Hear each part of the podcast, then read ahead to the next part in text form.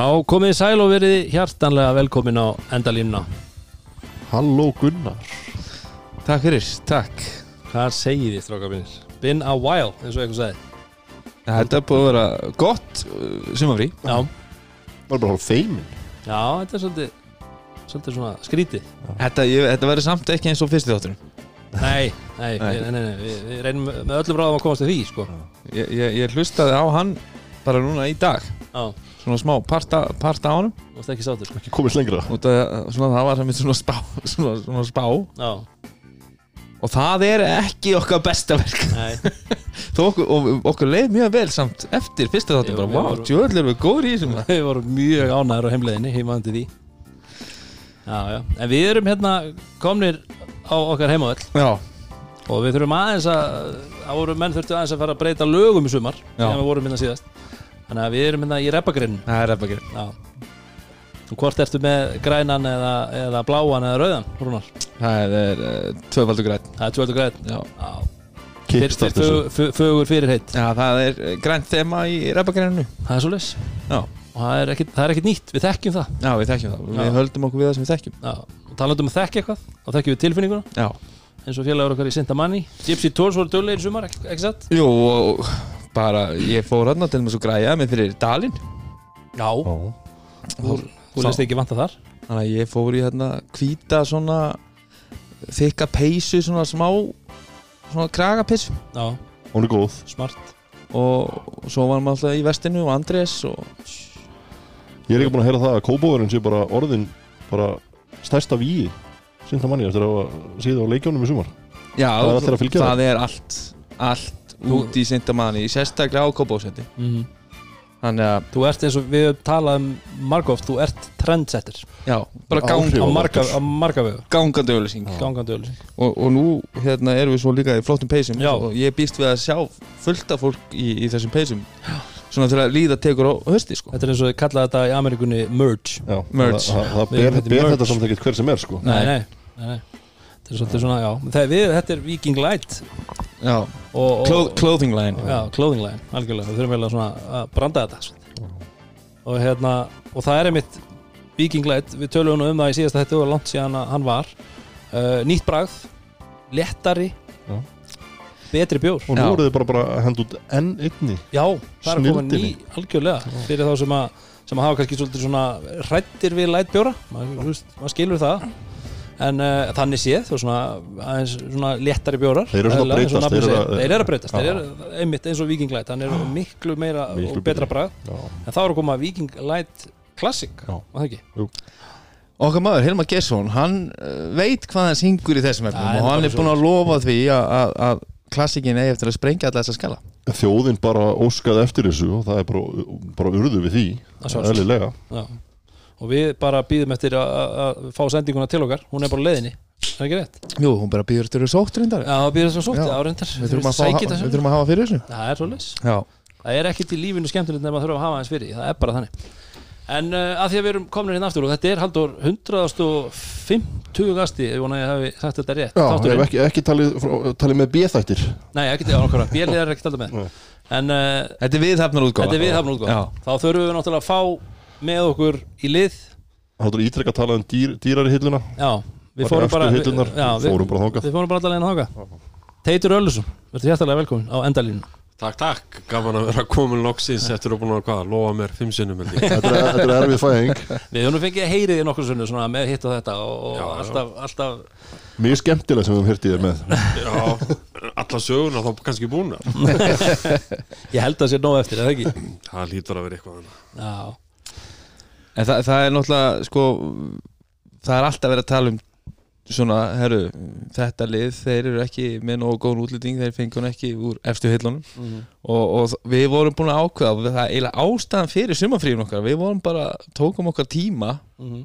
í að finna þú veist, og fá hérna okkar mann úr efstu og bestu hillunni til þess að vera með okkur út af því að það er eiginlega ekki hægt að byrja hérna tímabil fjögur og því, season 4 Jeez, en að gera það hérna í 150. þættur með, með Tate Ulriksson hérna í rebagreini sko. það er bara svo leis það, er, hei- það er heiður fyrir okkur að fá að sitja hérna sko. Það er bara Það þannig er bara þannig já. En það er náttúrulega líka bara, þú veist, eins og fyrir mig hérna, þegar maður var yngri að, mikil keflingingur þess að kannski ekkit Ha? ha hefur- vissu með það en uh, að maður talar um the greatest, það besta sem hefur spilað þá, þá menn talar um að það séu nú eitthvað púli af 5-10 leikmannum en ég held að Teitur Ölusson sé nú þar, já, top 3 ef ekki þrá besti, allra tíma. Teitur, tekur þú ert svo hóvar, þú tekur að lundi þetta ekki? Nei, ég gerði það ekki. Nei, nei. Það er kannski á sínu tíma var ég anna, í kringum toppin en, en í dag erum við bara með svo marga frábæra leikmenn og, Það var samt ansið langur tími líka já, já, og þróunin í leiknum er bara líka svo svakaleg eins og bara í flestum íþróttum að við bara gerum eitthvað samanbyrð það er kannski bara Jordan sérst að samanbyrð að fá við daginn í dag held ég. Ekki margir fleiri Þú veist, Nei. það er svona bara leikunum búið að breytast það mikið. Já, já, en það er samt sem maður, þú veist si- sigur vilji og bara, þú veist, og ákjæð og annað í leikjum, ég meina, það var náttúrulega enginn sem komst, já, ekki margir sem komast nálega þér í því, ég meina, þú gafst allt í það að spila köruboltaleikin uh, maður sáði skullandi sér eftir boltanum og, og bara þú lagðir allt í það að Njárvík myndi vinna hvern einasta leik sem þú spilaðir. Já, já, og það var kannski svona minn helsti styrkur, það var kannski þessi bara vilji og, og, og gretta í að vinna leiki. Og hérna og það hjálpaði mig kannski að því ég var ekki sterkuleikmaður þó ég hafi getið hoppað og verið fljótur en það var ég aldrei sterkuleikmaður og, en ég var alveg óhrættur og, og, og ég hef oft talað um að ég fann aldrei sásuga þegar ég var að spila mm.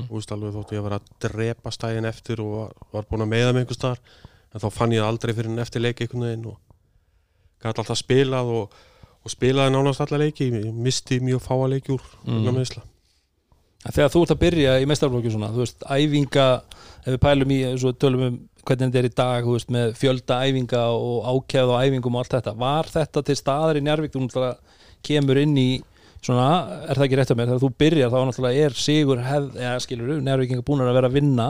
Er það ekki rétt að mér? Jú, þeir vinna hérna hvernig er það?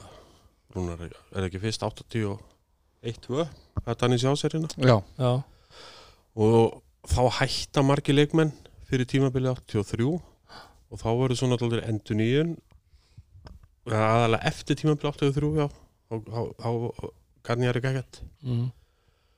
Og svo 84 þá kemur þessi þessi strákar sem eru fættir svona 65, 6, 7 inn í þetta nokkuð stór hópur. Og þar byrjar þetta svona í þessi velgengni. Mm og vinna óvænt 84 Mm. og svo aftur 85, 6 held ég og, og, og það var eiginlega alltaf annar titillin alveg í þó nokkuð mörg ár. Þó nokkuð mörg, ekki 93 Nei, alltaf þrjú datt alltaf út svoleiðis? en öll hinn árin já.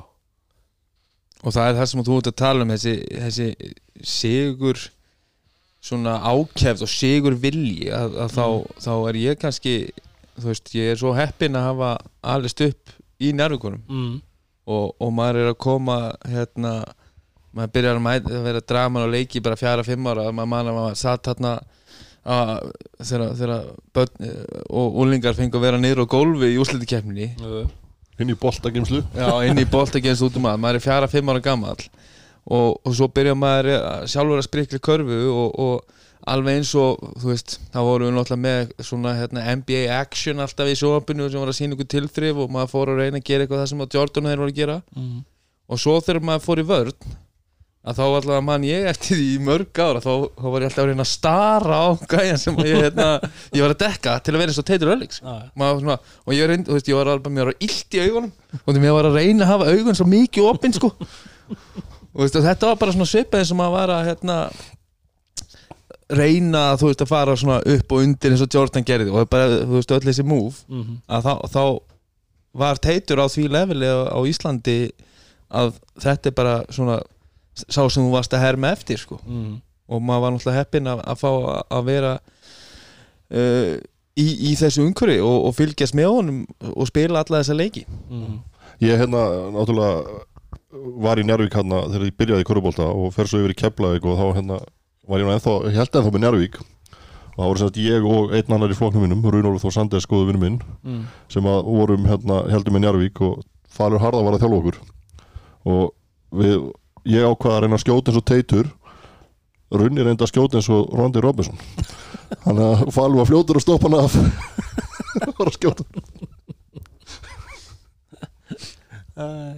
En ég minna þegar Keflæk Njarvík fer að verða svona þú veist eins og þannig kringum 90 þegar ég er að, bara 10, 11, 12 ára gamall maður er að horfa að þetta voru náttúrulega bærin var bara undirlagður fyrir þessa leiki þetta, hvenar er fyrsta skipti sem að svona, þetta byrjar, var búið að vera eitthvað svona undiralda með þetta áður en að Keflækurunni varð að einhverju liði eða Nei, ég held að þetta verði ekkert fyrir en þessi keflagustráka koma upp hann mm. þegar að Nonni Káer og, og Axel blessu sér minning hans og, Mm.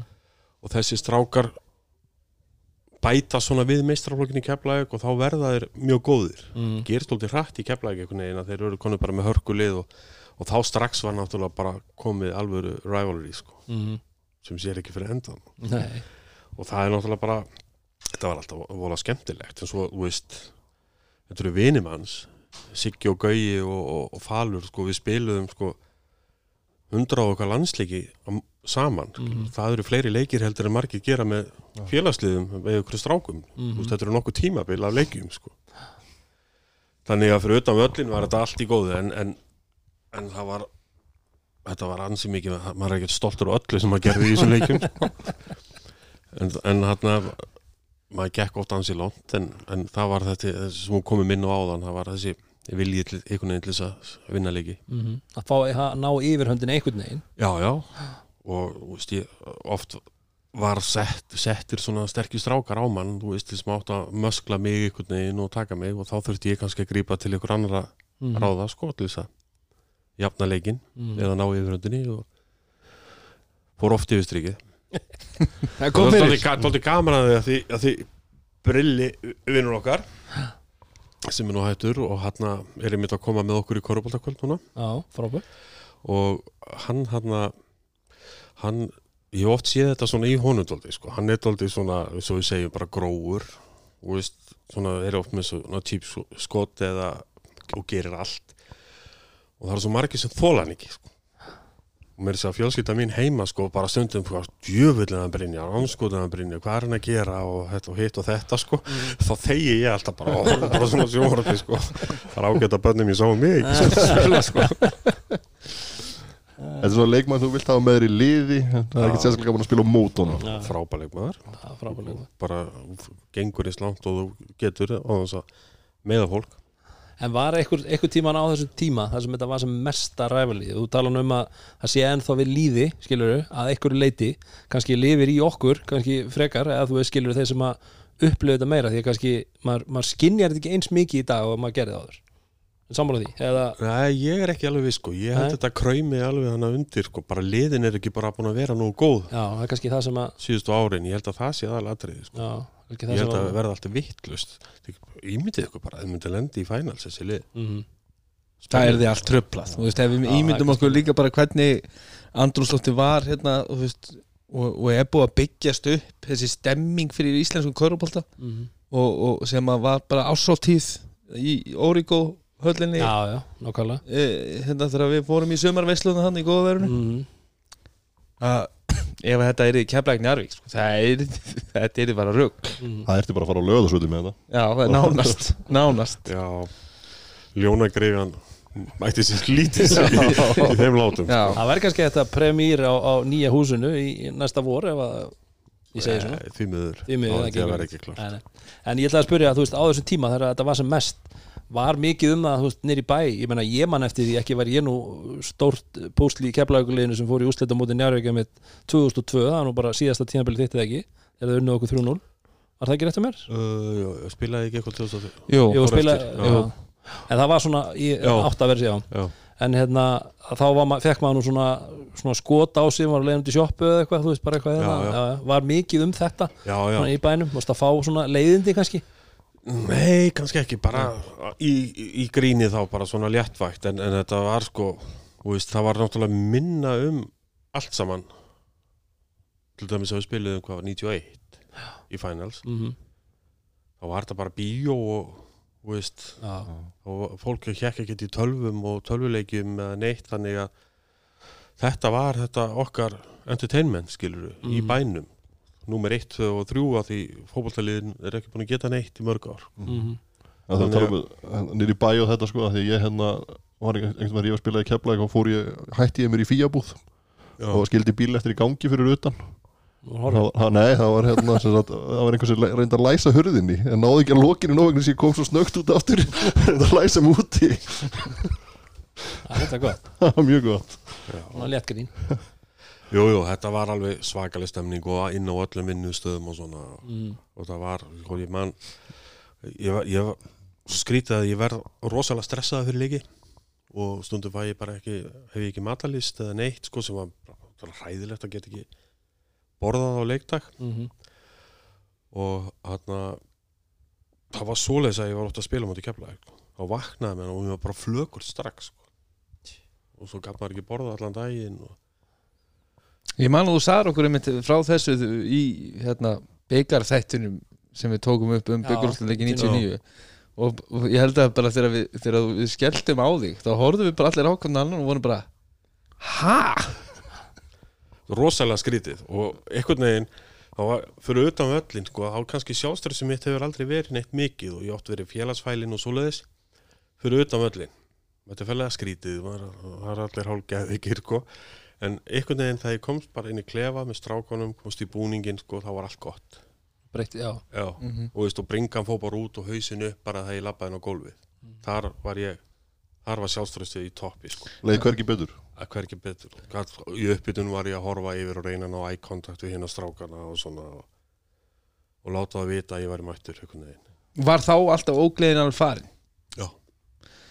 Ég, ég, var með, Varstu það bara með hambúrgar og franskarni klefaður þegar hún loksins kom. Nei, ég, ég var nefnilega með leikmann í fyrra sem að heitir Alia Collier og, og, og hérna hún var bara mjög oft bara á leikdag og bara, veist, og bara allan leikin bara, þú veist, með í maður og alltaf bara ógleði og þú veist, við vorum yfirleitt með tunnu á, á bekknum og, í, og mjög oft í hálfleik eða svona í setni hálfleik þá náðu hún að æla. Já. þá yfirleitt var ég bara yes! Þá vissi ég bara að hún var að fara að taka yfir hennar leik. Supermoment on. Og hún- bara hérna, fór, í, fór og, og kláraði leikin sko. en yfirleitt þá var þetta bara gott. Heyrðu, já henni flögurt, býðum eftir að hérna hún ná að æla. Og þá var bara ekki aftur snúið sko. þetta er magnað. En ég með nokkur hérna svona, sem að ég bara ætla að fá að hérna, skjóta á því. Þetta er svona golden moments listin minn hérna svona, bara eitthvað sem að mér langar að heyra þið tala um. Og þetta er svona eiginlega í tímaröð svona heilt yfir. Og er frábært að skulle hafa þetta því eins og ég hef oft sagt er að ég man nefnilega svo lítið. Já, ég, ég, þú veist, ég hugsa að þú getur örgulega sagt okkur eitthvað frá svona flestu Já. hérna.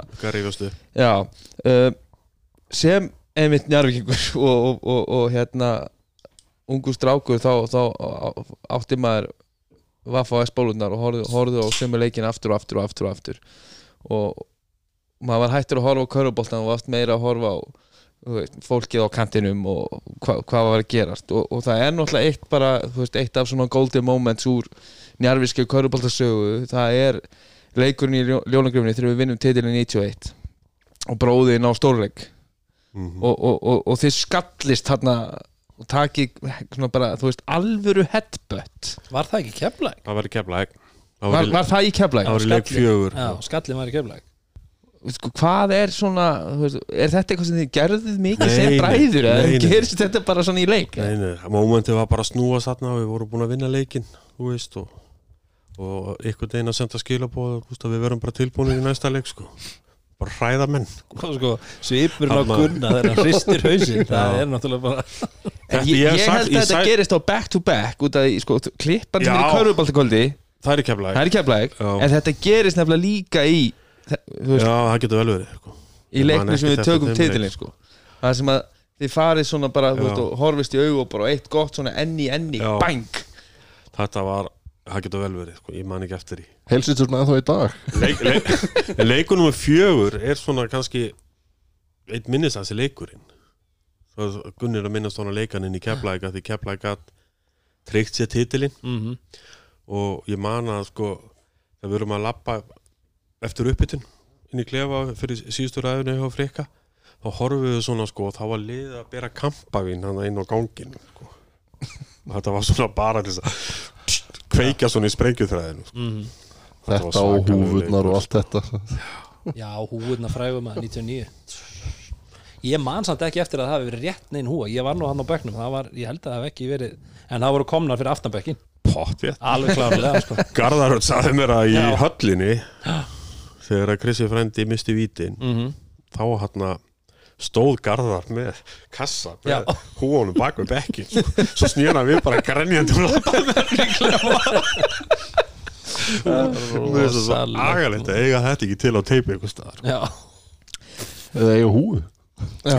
Já. Hvað ætlaði að hafa gert við helst húða Það er, þeir hafa fljótur að kveiki uh, næ, Næst uh, bara Rondi Robinson mm. uh, nú, nú, þú veist, var bara Köruboltasamfélagi ekki, ekki nóg heppið að vera með alla þessa umfjöllun og, og það er svo lítið til. Þú veist, það er Já.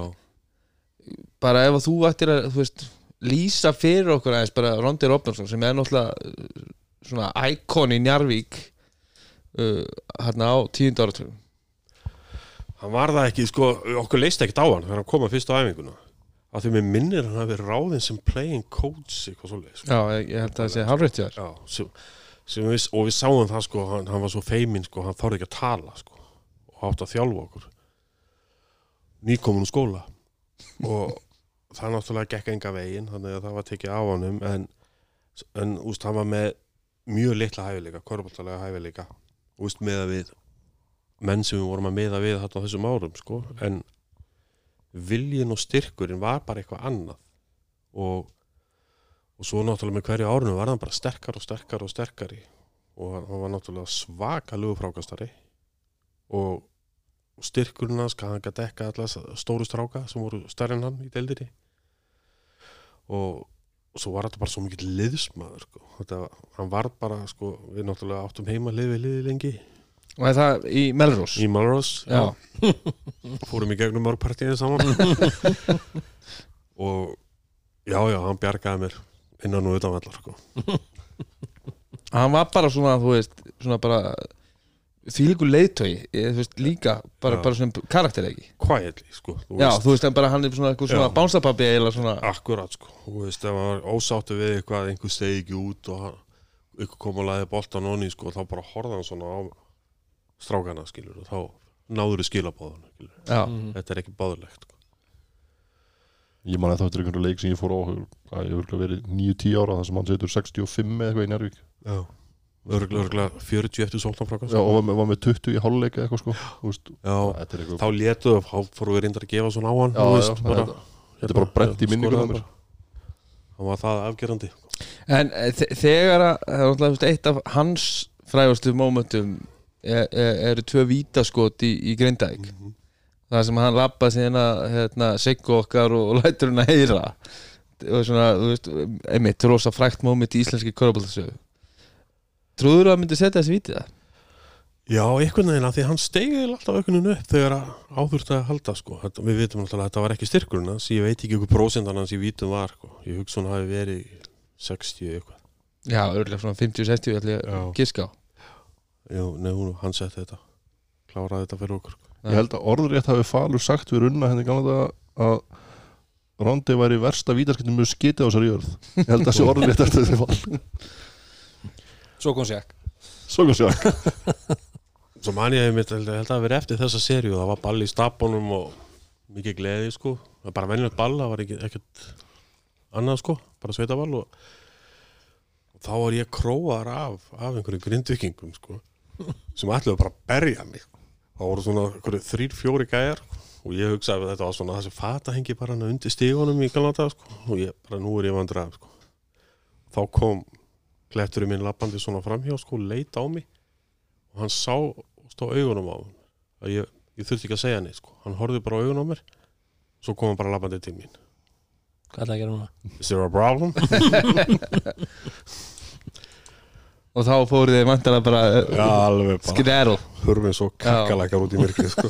Beint upp í festi en, en þú, þú ert svona smá trendsetter fyrir íslenska köruboltamenn hérna verða ekki 1996 eða var það 5 þegar þú ferði Greiklands mm, 96 ég já, já, 96-7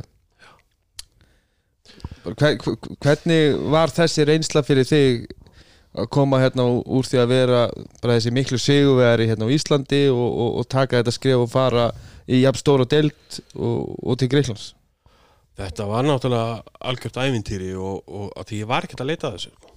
Ég var bara í ágætis vinnu hérna og, og það var bara ringt í mig og ég þurfti að taka ákvörðun bara ákvörðun 24 tímum eða 2 dögum En nú, hvar byrjar þetta? Þú veist, Ég held að þetta sé agent, ég man ekki hvað það heitir held að þetta sé dái núna sem Tommy var að vinna með Tommy Tom mm. og hann hefur samband við mig þá var einhverju búin að sjá mig í, með að spila með landsliðinu úti og því þjálfarinn sem var hann hjá þessu gríska liði sem ég fór í, í Larissa var landsliðsjálfur í Kýpurs sem var með okkur á smáþjóðleikum þannig að við vorum á- alltaf að vinna Kýpur á þessum árum og, og hann hafði þannig að séð mig spila mjög marga leiki og þannig var tengingin sko. en ég vissi það ekki þarna fyrst sko mm -hmm. en þú veist, einhvern veginn ég man að þetta var æðislega gott veður svona sumadagur bara og ákvörðin tekin og svo bara farin út eftir ykkur þrjár vikur, tvað þrjár vikur fluttu til Greiklands með konu og barn þau koma reynda setna en þetta var sko mér fannst á þessum tíma að ég væri búið með toppinn einhvern veginn Mm. Hvað er ég gamall hana? 29? Já, ég Já. 30 úti Ég verði 30 í janúar hana Já, 97 Þannig að sko ef þetta hefði gert svona 5, 4, 5, 5, 6 árum áður sko, þá hefði þetta verið mjög skemmtilegt sko. það verður þá verið lengur úti. Já, 100% sko. en, það, og þá er maður kannski ekki byrjað þarna í grísku deildinni sko. Þá var bara farið en just, ég hugsaði oft sko, okkur, okkur leitaði ekki meira eftir þessu fyrir Var þetta svona einhver raunhafi möguleika á þessum tíma? Þannig þetta var mjög fjarlæga draumur Já. og líka því ég var ekkert að leita að þessu ég, ég var ekki mumbósmann eða neitt Mm. og, en þetta ógleimanlegt ár og ríkalega skemmtilegt og allan hátt sko. að bara að- að að- að prófa þetta og, og sjá hvernig svona alveg ræðun mennska fyrir fram sko. Já. kynntist fullt af góðu fólki sem var ennþá í við sko. og, og hve- hvernig þú veist, bara hver, hver var munurinn á þessum tíma fyrir þig að vera að koma úr veist, þessu íslenska umhverfi það sem að veist, það var bara alltaf eitt bandaríkjamaður og svo bara íslendingar. Eh, hver var svona körfuboltalegi munurinn sem þú fannst bara strax fyrir? Það voru náttúrulega hæð og styrkur náttúrulega fyrst og fremst. Og það voru rosalega mikil gæði í þessu. Á þessum árum sko árið sem ég kom var, fór út vinnur Panathinaikos Európmistaratilli með Dominik Wilkins einmitt þá. Mm. árið eftir vinnur Olympiakos Euroleague og Ares í, í Saloníki unnu kórakeppnina þetta ár sko, og bara grísku liðin voru að taka alla þessa titla.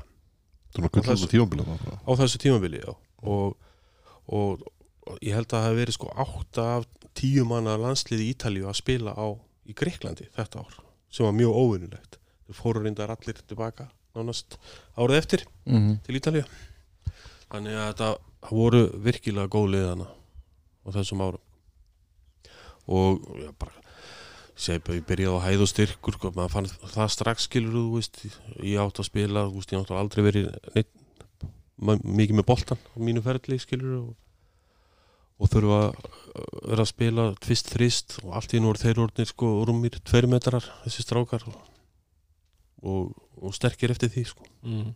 þannig að það var kannski mestu munur Hvernig gekk þér svona, þú veist? Mér gekk ágætlega sko, en, svona í byrjun og, en svo að þjálfarinn sem, sem ákvað að taka mig rekin eins og gerist oft í þessu. Mm. og, og þá minkaði svona minn tími en þetta var skemmtilegt og svo, svona aftur í restina þá fekk ég að spila daldið og, og það var líka gaman að því við unnum síðustu held ég þrjá leikina okkar og það, það var tvo útivelli og, og heldum okkur þá uppi svona örgla og það var virkilega skemmtilegt sko. það gaman að enda tímabili vel.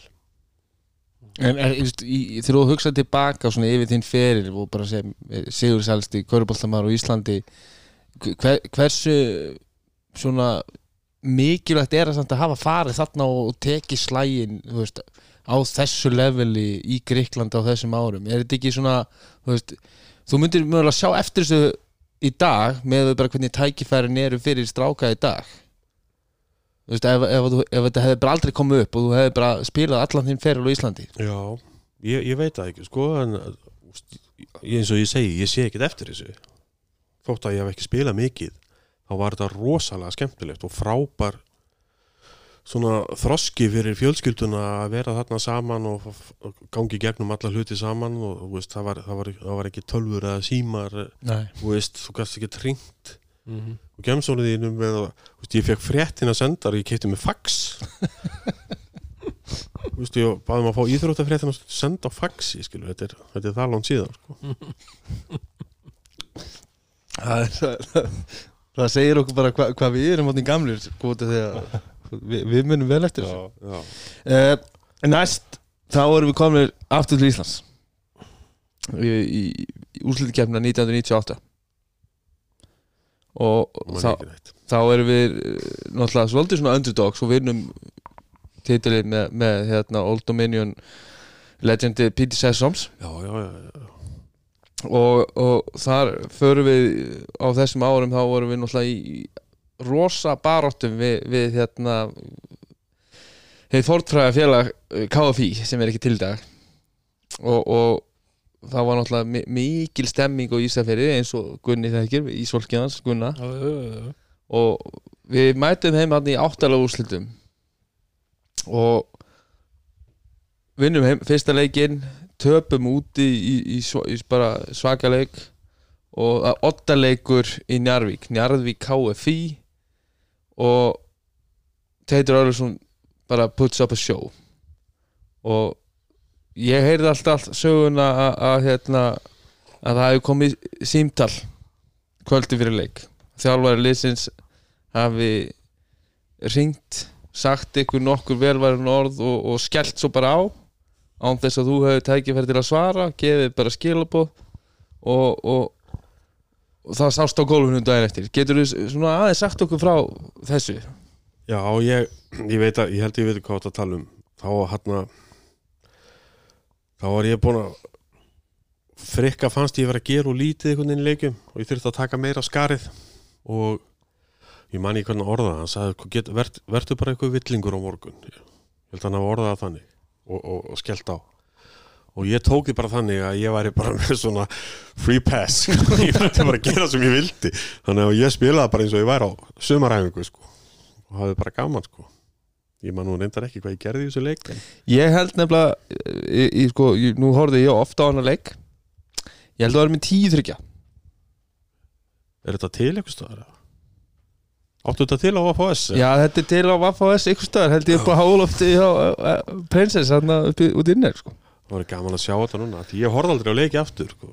Þú Já, ekki. með þetta bara, allt sem var búið var bara búið en það var gaman að sjá þetta aftur Já, ég, ég hérna ég er, ég ætla, þú veist, það var annarkvort 8, 9, 10, ég held að það hafi verið 10 þristar Ég man eftir, eftir svona, svona þetta skrítið þetta skýst upp í hausin á mér ég man eftir einu skoti sem ég tók í þessum leik svona við bekkin hjá hinu liðinu og þá var ég bara svona rétt komið fram Svona með við réttar miðju? á borðinu Já. já. og ég skaut og ég hugsaði því skaut hvað er ég að gera og, og mér fannst boltin vera svona tvemi metrum og stuttur að ég slefti honum en það fór allt bara beint honi Allt í. allt neitt bara, það voru einmitt, uh, þú veist, í þessu leik það voru allavega svona þrýr, fjórir bara, þú veist, svona, þú veist, næri miðju heldur en þryggjastilfinni, sem var bara svona í transition, teitur að koma upp hægri kentur og koma þannig tveir eða þrýr í röð í setnáleik það er rétt komið fram með rittarafólki, grípar hann og það er bara, þú veist, eitt, tveir og, og praff. En Þetta eru góð skilabóð frá þjálfar Verður villingur já, Já, og hann tekur mig bara út af ef hann fær ógeð á mér, þá tekur hann mig bara út af allt á hans ábyrð Já, já, það er alltaf uh, sko svo við erum alltaf búin að fara yfir uh, 1999 ansi vel. Uh, ba- hérna, við höfum talað um það í byggjórslutum uh, svo er það árið eftir sem er náttúrulega bara eitt af svona erfiðar árunum í íslensku eh, í hérna njarvíski köruboltasögu þegar frændiðin fellur frá. Mhm. og, og, og við erum þarna með bara mjög gott lið. Og erum að að spila undanústildu leikum átti K.R. í byggar bara þarna vikun og eftir Mhm. þú veist, svona þú lítur tilbaka hversu erfitt var þetta tímabil fyrir þig og fyrir bara liði í helsinni Það þetta var náttúrulega þetta var náttúrulega svo stórt að einhvern veginn varð allt vola tilgangslist og lítið í samabörði þegar hann fellur frá og fyrir mína parta sko þá misti ég bara áhugaðan á körubólta skilur við vorum, þetta var rosalega skemmtilegt fyrir árum mót Mhm. við vorum, spiluðu ekki bara kannalausir og vorum eftir samt og, og hérna og, og svo þetta gerist já og þessi leikur hann er svona bara eiginlega í móðu. Veist, við reyndum að fresta honum en hann fegst ekki frestað. Og svo var þetta alveg volið erfitt af því að það var ekki búið að jarða drengin sko. og hérna svo töpuðu honum. Og það var náttúrulega svona þú veist bara sárt onni í stóra sárið sko einhvern veginn og, og það var mjög erfitt fyrir menn að ná sér upp aftur bara menn byðu eiginlega bara eftir einhvern veginn að tímabili kláraði skilur það var rosa skrítið sko Mhm. að því við náttúrulega tengdum alltaf við hann þegar við komum inn í klefa og allar æfingar og svona og þannig að þetta, þetta bara eins og þú orðar þetta á þetta var rosalega þungt tímabil sko.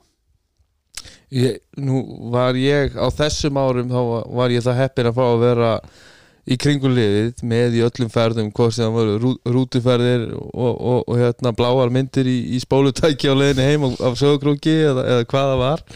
Uh, þá var ég verið svomandi Já, þetta, það voru aðri tímar en, en hérna var, var ég vassberi og, og, og hérna, eitthvað sem ég fannst ég bara græða mikið á, bara sem ungu strákur. En ég, ég man bara ennþá þetta er eitthvað svona einn af þessum momentum sem að maður bara ég er að gleymir aldrei, ég man eftir Jesper Sörensen.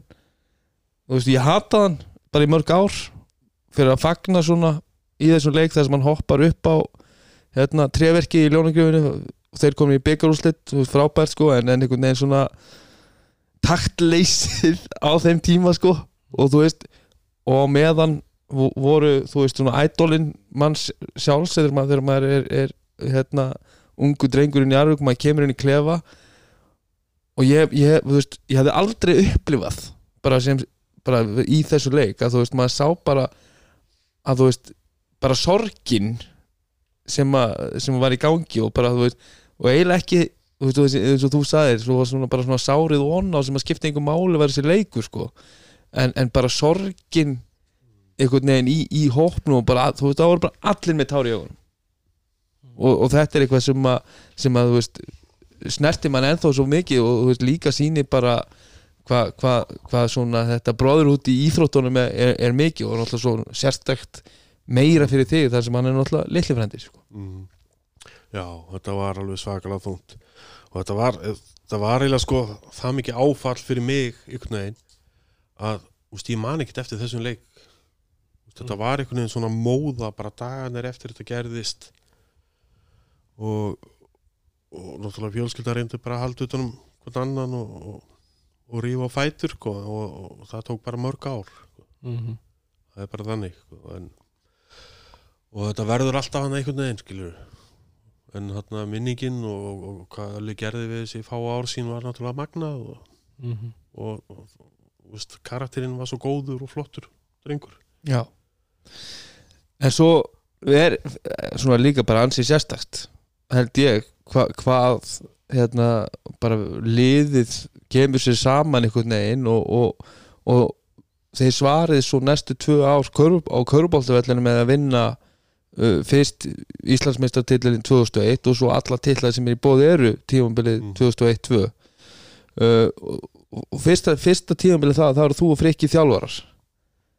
Hvernig, hvernig var svona súr einsla þarna eru þið ba- að taka við þjálfun og að spila báðir, báðir svolítið stór hlut svolítið stór hlutverk. Já og frikki eiginlega bakkar út úr leikmanninum og ég út í þjálfarunum þannig var það eiginlega skilur ég var bara, úst, ég komst fljótt að því að ég gæti þetta ekki. Úst, ég var það góðu leikmann ennþá og, og, og stór partur úst, í starter. Mhm. þannig að við bara örðum eiginlega bara sammála um það sko. þóttu þetta sé skráð svona með þá í dag sko. þá var, þá var að frikki eiginlega bara þjálfarið og Jón Július sem liðstjóri já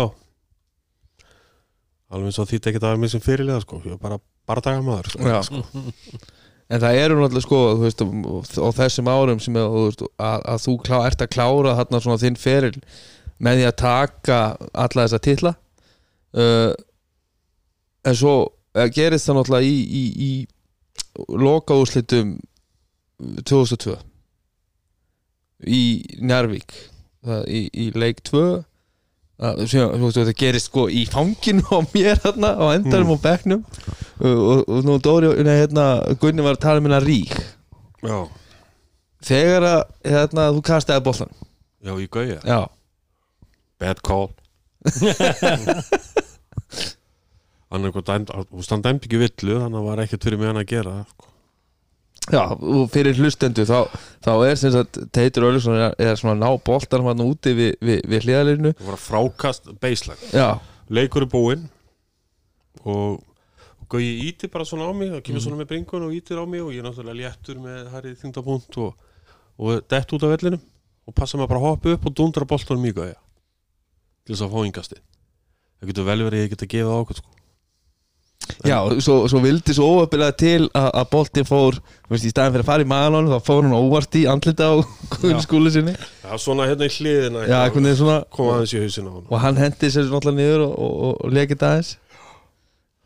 Þetta er ömulegt sko. Fekk ég ekki tæknvillin út á þér í fyrir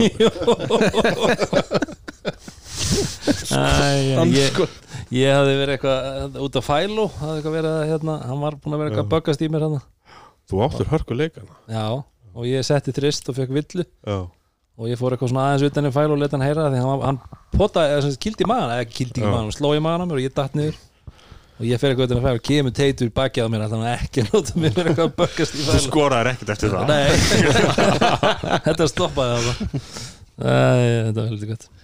Já, þetta var svekkjandi. Já. að vera í, í street clothes bara Varst þið í svörtu jakkafutunum eða var já, eitthvað svo leiðis? allir það ekki. Þarna, já, þetta var smá svekkelsi en ég jafnaði mig fljóta að þessu skilur að því þetta var samt sem aður titillin sem maður búin að taka þátt í.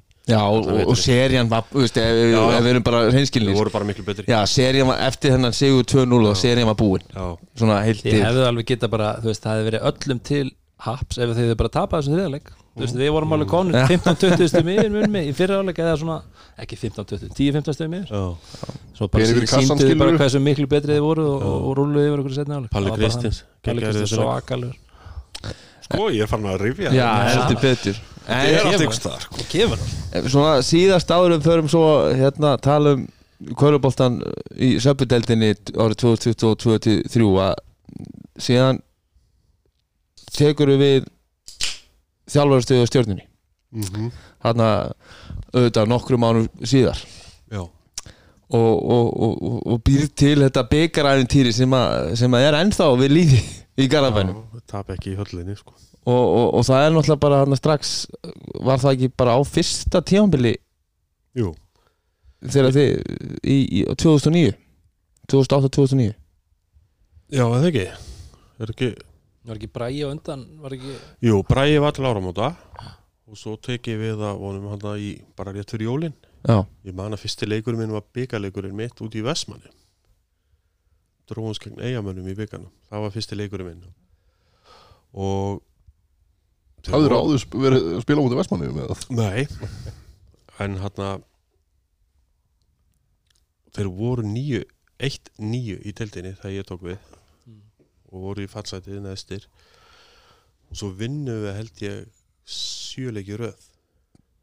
Þannig að en liðið var miklu betra heldur en einn nýju skilur og, og hann og á þessum tíma þegar maður vinna sér leiki deildinni þá verður svona til svona smá sjálfströst sem við tökum okkur með inn í februar og komumst þarna í úslit í byggarnum Það var rosalegu leikum það var alveg geggjað sko það er kannski svona það sem mest að þjálfar afreg sko að því einhvern veginn var fókusin hjá mér alveg heila viku þannig að við vorum aldrei að fara að tapja eins og leik sko En hvernig varstu en, en, en þú talar hvernig, þú veist, í fjölmilunum og svona þú veist, þá bara ég rosalega mikla virðingu já, þú, það var svona þetta, þú spilaði leikin svolítið Káringarnir voru náttúrulega bara langt besta liðið í Já, En það bara sést líka samt á viðtölu við Benna hann fyrir leika, hann er alltaf hérna, á teitur eitthvað að reyna hérna, ítist yfir okkur og alltaf svona, Það er hálf hlægjand að. Þá- þar erst þú bara búin að vinna þetta, þennan Já. slag, skilur við. Já, já, og, og, og veist, besta við það besta við það er að allir strákunni trúði að myndi vinna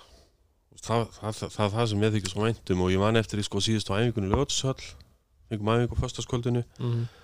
setna æfinguna og slögt ljósin á okkur sko, þá gæti ég hóað alla bara inn á miðju og þar var ég bara með þess key, keys líkilpunta sem ég ætla að hamra á úst, og gerði það hann í síðasta skiptið og það var einhvern veginn hvernig leikur myndi þróast og og það gerðist allt einhvern veginn ég, ég, ég, við vorum búnir undan, við vorum búin að tala um það ef Jónardó myndi skora fyrst á 8 stíðin og þeir komast í 8-0 við brotnum ekkert við það sko.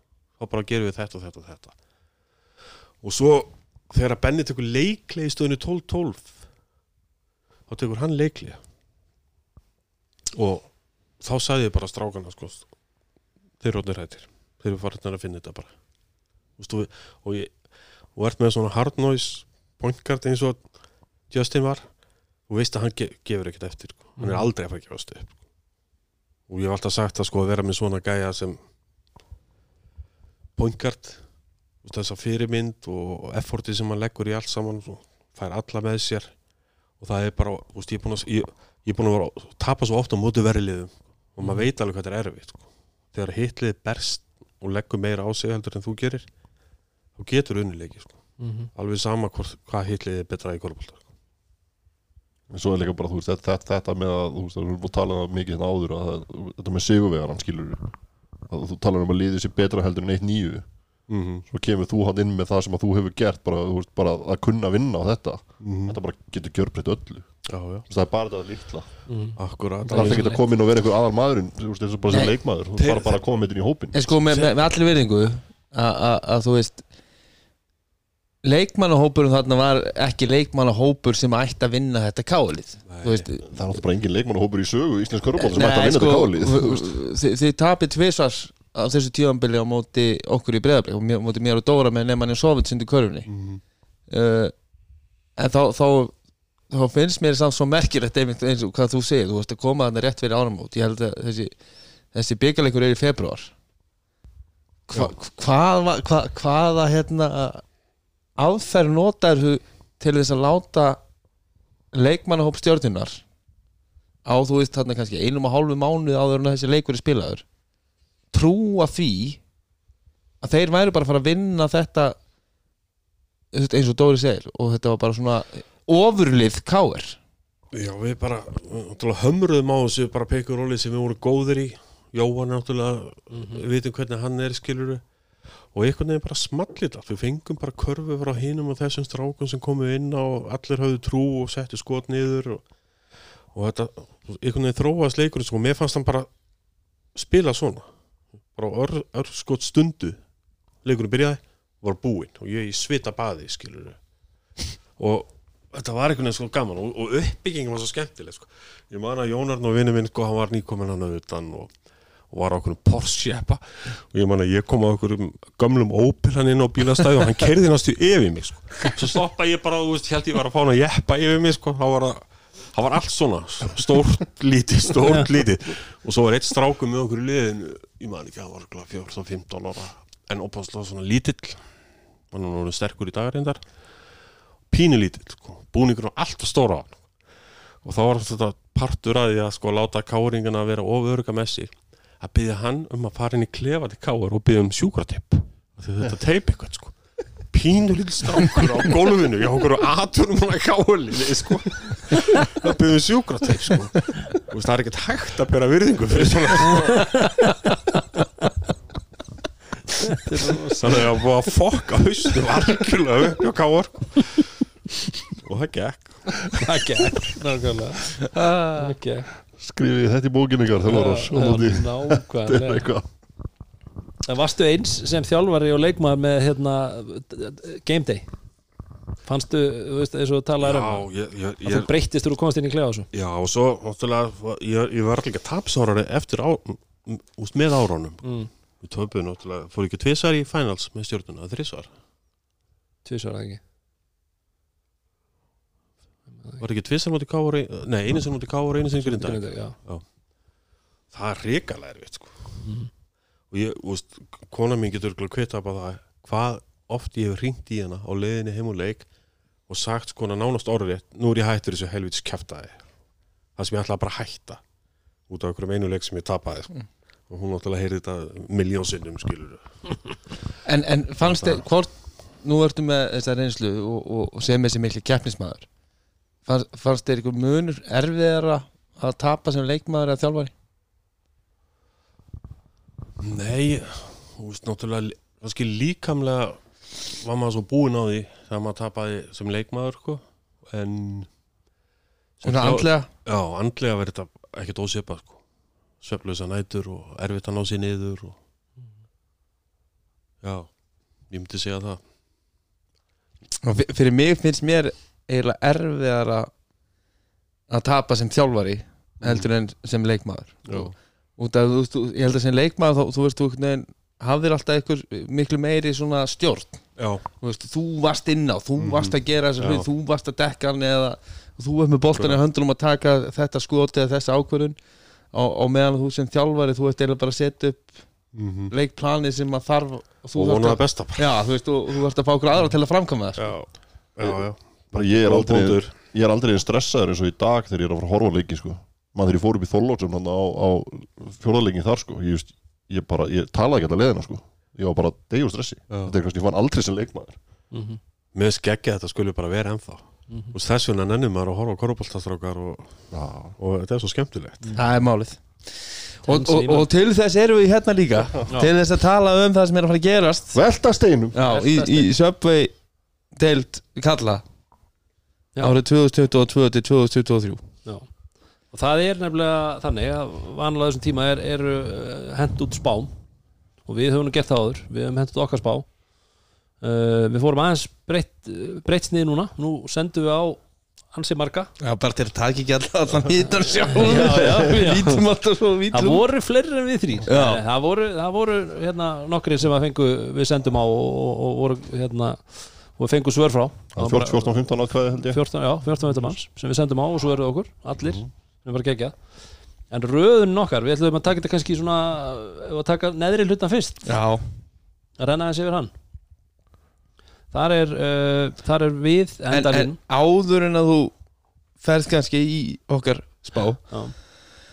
Að það var engin með kjána fíblalæti í okkar spá. Nei, bara svo það já, komi kannski fram. koma, já, byrjum kannski á því. Já, það, það var engin sem að var hérna að reyna þe- þetta er 100% svona genuine, For, menn voru að senda okkur alvöru spár. Já, það var ekki verið já að það, hérna það var ekki verið að Tindastóðlega kepplæg voru ekki að fá neinn atkvæði í 12. seti sem að, þannig að Nei. ég held að okkar spá sé aðalspáin.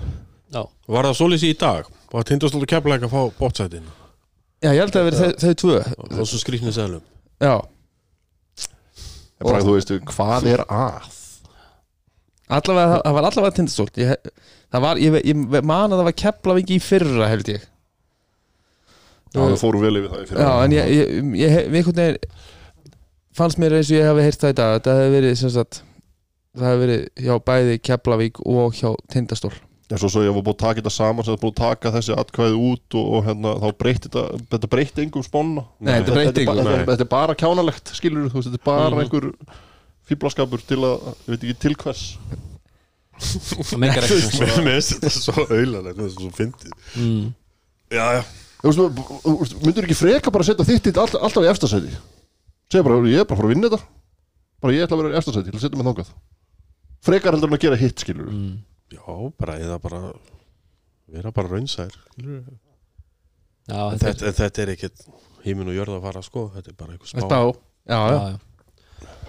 En við allavega hendum í, eins og ég segi, með, með liðsinni eh, góðra manna, þá hendum við í spá og við erum með uh, breyðablík í sjönda sæti. Hauka í áttunda síðustu tvö sætin í, í playoffs. Við erum með Káar og Grindavík eða Káar í níu, Grindavík í tíu og Höttur 11 IR 12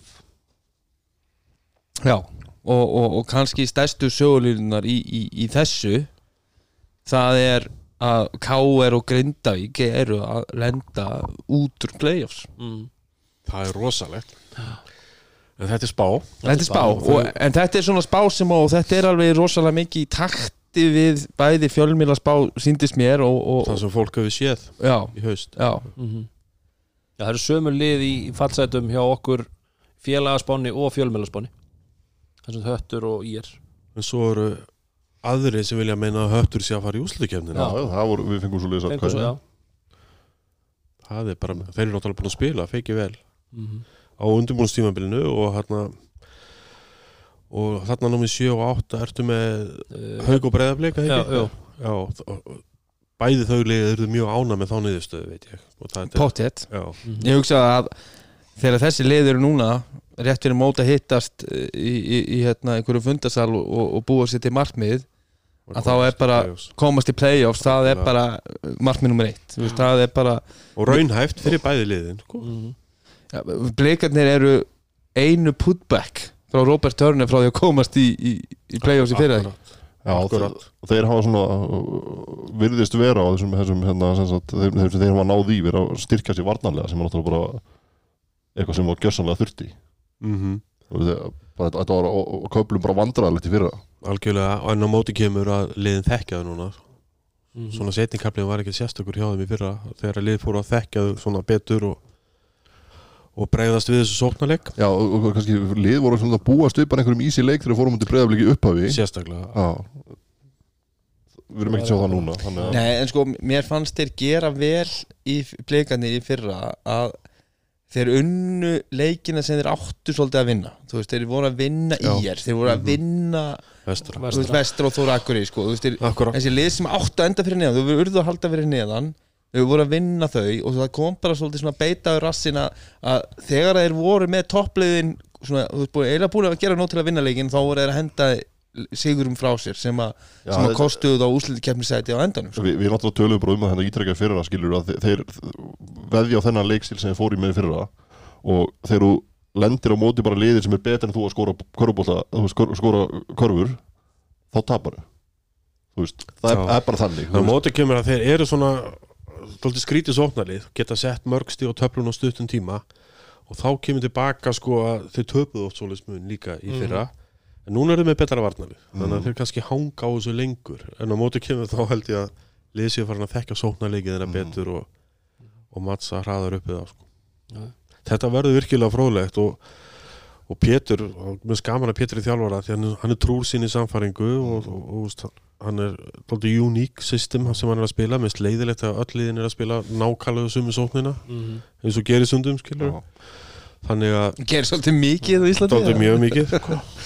allir, allir á saman áskeiðinu sko. En ef, ef þú vilt samt spila hratt og plafa einhverjum hérna, fyrsta tempo og treystum og svona, þá þarf það að spila góða veist, það er svolítið grunnurinn af þessum leikstíl þannig að, sko. að vera komin betri varnamenn það ætti að hjálpa þeim þótt að kannski að séu fara að lesa í þá kannski. En e- eins og þú veist eins og við gaggrindum Pétur í, í fyrra uh, fyrir þrýðning tveir hérna varnarabrið þar sem hann, hann gefur mönnum skot og, og, og eins og ég segi nú er ég sammála teitsamt að ég hef gaman að þessu. Út, og, ég hef náttúrulega spilaði sjálfur fyrir Pétur mitt síðasta tímabil þar sem að hann gerði ótrúlega hluti ákveðat með eitthvað svona bara eitthvað svona sálfræði sko. Þú, það, en, en þetta virkar ekki í söpudel kalla árið 2022 þar sem þú bara gæðin eru bara miklu meiri sko. Nei líka þú veist, þú ferðin í, ferð- ferð inn í leik og segir ætla, að, þú veist, gefum honum fyrstu þrjúskotin ef hann setur fyrstu þrjúskotin Já. þá þarf það að dekka hann, ekki halda Já, honum að líka þessi þú veist. triangle 2 líka þú- þú voru- stundu voru með Sveinbjörn inn á skilur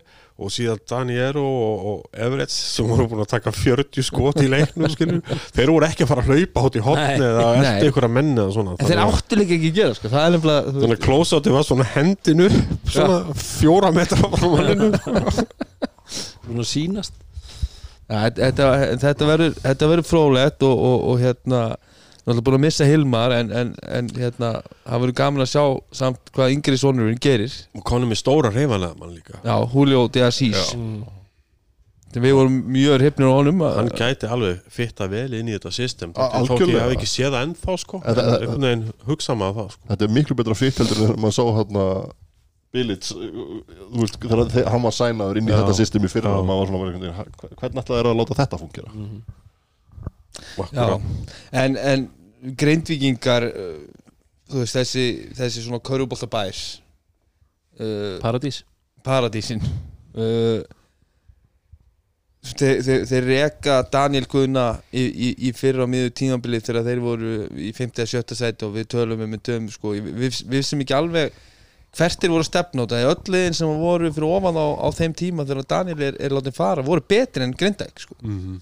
uh, auðvitað var, var, var leikur hérna í Njarvík sem var, var ekki, ekki góður á þeirra hálfu en, en svo er þeir á leiðin inn í, inn í þetta tímabil og, og mér, veist, ég sá það á síðustu helgi og mér líst ekkert á það sem er að gerast Nei, ég sá það líka og þetta var svona algjört einhvern veginn ráðaleysi og horfði mér á stelpuna þeirra í gær og mér fannst þær miklu meira skipulaðar heldur en strákaleiði og, og þetta var bara mér fannst vera svona áhugaleysi mér fannst menn ekki vera í æfingu veginn og Nei, bara menn out of shape Já, og, þetta var bara svona vond holning veginn á Já. grindaguliðinu og all, allir, allir, allir í grindaga býða eftir ykkur um öðrum fréttum Mhm. skilur Já, og, og það vita svo sem flestir að, að, að svona von grindvikinga er að paradísandrengurinn sjálfur, Jón Axel Guðmundsson mm -hmm. komi heim og spili uh, hérna, fyrir ég trúi fánan á vegnum en eins, eins og leikmannahópurinn er í dag þá, þá, þá kemur mér ekki óvart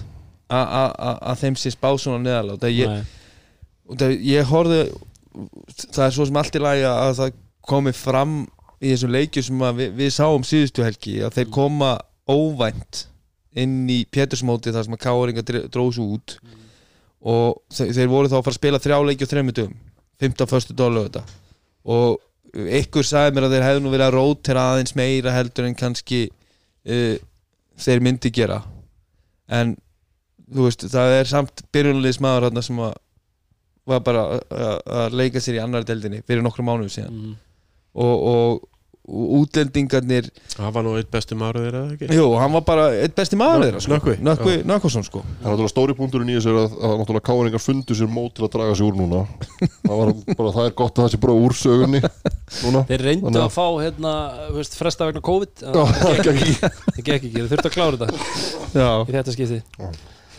Það var bara þannig. En, en, en, en, en svo er það uh, stórveldið úr, úr Reykjavík uh, sem að uh, veist, fó, fó, það er alltaf mikið að gerast bara hjá íþróttafélaginu Káir sko, Mhm. sem er búin að vera í fremstu röð í köruboltanum, í fótboltanum. Uh, það er ekki einhvern veginn já- jákvætt yfirbræð þarna í fótboltanum kallamegin uh, kvennamegin, það er bara einhver, einhverjar ham, bara hamfæra fréttir uh, formað, formað félagsins kemur, kemur og, og segir bara ofinbært núna í viðtali í síðustu viku að að körfuboltin og fótboltin og félagi sjálft sé bara nánast þú veist á, á, á kúpunni. Uh, en þeir eru samt komni með alveg leikmenn sem að hafa gert gott í sér deilt þeir eru með Jordan Sample, þeir eru með Michael uh, Mallory. Uh, þeir eru með Þorvald Orra. Þeir eru þú veist, þeir eru með svo tvo aðra bossmannleikmenn og er vantanlega að byrja þá með fjóra ellenda og einn á bekknum. Uh, eru þeir að fara að koma á óvart? Sjáu þið það fyrir ykkur? Já, það kæmi mann ekkert óvart að þeir myndu einhvern veginn einhvern veginn finna leið til þess að færast ofar í töfluna með þess að Mhm. spá. Og þarna þeir eru vanir þeir eru svo rosalega vanir velgengni einhvern veginn. Og það svo hefð lifir oft í, í liðum. Mhm. en það er náttúrulega mjög mikla breytingar. Ég, ég veit sko svona það sem er að gerast utanvallar er bara fínt hjá káar Úst, það eru nýju menn að koma að þessu núna og, og þeir þurfa kannski aðeins smá tíma. Ég held að það sé ekkit mikið hérna káar er með fullt af flottum leikmönnum að spila á Íslandi. Og ég held að verði ekkit vola erfitt að tósa þá tilbaka. Mhm. eða rendi ekki allir úti bara eins og gerði sérna um árið sko. Já. þá hérna þá held ég sko að sé náttúrulega Káur má ekki falla. Megi ekki falla Mhm. og þá held ég að að Káur nái sér á strik bara strax á innu tveimur árum skilur. Og ég þú veist Káur ekki að verða bara að vera þólum og líka á fyrirgefum sko. Þeir unnu sexin í röð mm sem, sem mjög fáir fatta hvað er erfitt. Já, Þú veist, það er erfitt á einu einu sinni sko. mm. sexin í röð er bara fáranlegt þannig að ég held að sé alveg þólumæði fyrir þessu að leifa þessu nýja fólki að koma hana að og, ég er sammála En hel- heldur að þólimæðin hafa kannski komið með þessu nýja fólki? Því að það hef, mann hefur fundist svona að það er alltaf verið að reyna að einhvern veginn kaupa sér velgengni í staðin fyrir að þeir eru búin að vera með hörku ungvið þarna skilur já, og, náttúrulega kaupa þetta voru náttúrulega allt meira og minna káringa sem er náttúrulega þess að titla. Já, það að það, ég er alveg saman á því en hann já, þeir verða kannski bæta þeir skiljanlega bæta kannski, kannski þessum fjórða við núna að inn í rotationi það því þeir eru ekki djúpir, við vitum það Þannig að Þeir- Almar á- fer hann út í skóla núna Já. það, Brynjar er hættur og Já, og Ósvald fór í hauka hauka það fannst mér dóltið skrítið sko. hann skildi ekki, mm. það skildi ekki ná Á að halda tíma. honum áfram sko. já, Eh, og, og Veigar er áfram Veigar ekki sem er mjög hefnilegur þannig að ég, ég held að Káur gerir betur heldur en tíundasæti já. Uh, liðin sem er spá falli. Og, og við erum með á leiðinni niður í fyrstu dild hattarmenn uh, enn og aftur uh, að koma upp. Og, og sömur einmitt eins og teitur nefnd á hann vilja bara menna að þeir séu bara á leiðinni í úslitikefni en, en þeir eru náttúrulega með svolítið svona lið sem að sem er, ef ég er að ho- horfa einhvern veginn á þennan hóp að mér finnst þeir vera, þú veist, þetta er bara þeir eru kannski komin lengra heldur en mörg lið út þetta er rosa mikið svipað. Þú veist, auðvitað eru að fá inn Knesevits uh, en þeir eru með þarna Ramosinn og Van Lú og alla þessa okkar, okkar bestu vini sem að spila sem Íslendingar. Þeir eru með Timothy Guers en ég veit ekki alveg hvernig við ætlum að bera þetta nafn fram en, en hann, hann var bandaríkjamaður þeirra í fyrstu heldinni og þeir eru að taka sensin á honum. Já, við vitum hvernig uh, svo, svo reynsla hefur ekki verið góð. Allavega ekki fyrir það Nei. Ég hann eins og ég segi ég veit eiginlega ekkert um hattamenn hann nema þeir eru búin að vinna góða sigra mm í þessum aðeingarleikum Já. og voru hörkuleika mútið stjórnunni já, ég held að verði ég held að verði erfitt fyrir öllið að fara austur sérstaklega og spila við á þar. Mm. Og e, þú veist, er það ekki þá bara enn og aftur? Þetta stendur svolítið og fellur með hvað, hvernig þeir ná að verja Já, Fyrir Það er bara líkilatri, bara alltaf. Þú þurfum bara að ná í sigra þar á móti sem liður sem þeir eiga, eiga að vinna eða þú veist sem er, er í kringu þá. Það er bara, og, og, sko það er náttúrulega veist, fyrir tveimur ára síðan þegar, þegar hérna, njárvikingar voru sko hérna, nokkru mínútum frá því að falla mm að þá, þá var náttúrulega deildin afskaplega skrítin. Mm veist, og, og, og leiðin í nærhlutunum fóru að bæta sig og, og hérna Mallory var að vinna fyrir á leiki. Ég man eftir honum þegar, hann tók hérna svona algjöran dagger og setti Njarvík í fallseti hérna í ljónagröðunni og, og þú veist, þeir eru með endakall. Uh, voru með endakall þá. Ég veit Já. ekki, þú veist, hvort að þe- þú veist, þeir eru með þetta endakalla uh, ígildi núna en, en þú veist, de deildin er líka þú veist, mér finnst svona öðruvísi núna heldur en hún var þá. Þú veist, það er- það komin aðeins meiri reynsla og svona fleiri útlendinga og hvernig liðin er að spila. Mér finnst líka svolítið skrítið með hött að ef við horfum bara þessi tvö ár tilbaka þessi upp og niður uh, ring, ja, skilur, ringja ekki hjá þeim sem er alltaf upp og voru, niður. voru öll árum með góðan poingar.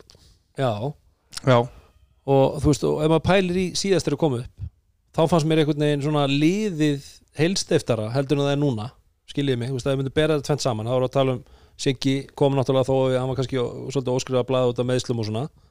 En mér fannst liðið veginn og Mal, Mal, Malroy. Mallory. Mallory, Jesus, þarna það var þess að hérna, en það er eitthvað sem það sem að ég allavega held ég setti þá of, ofar heldur en fallseti.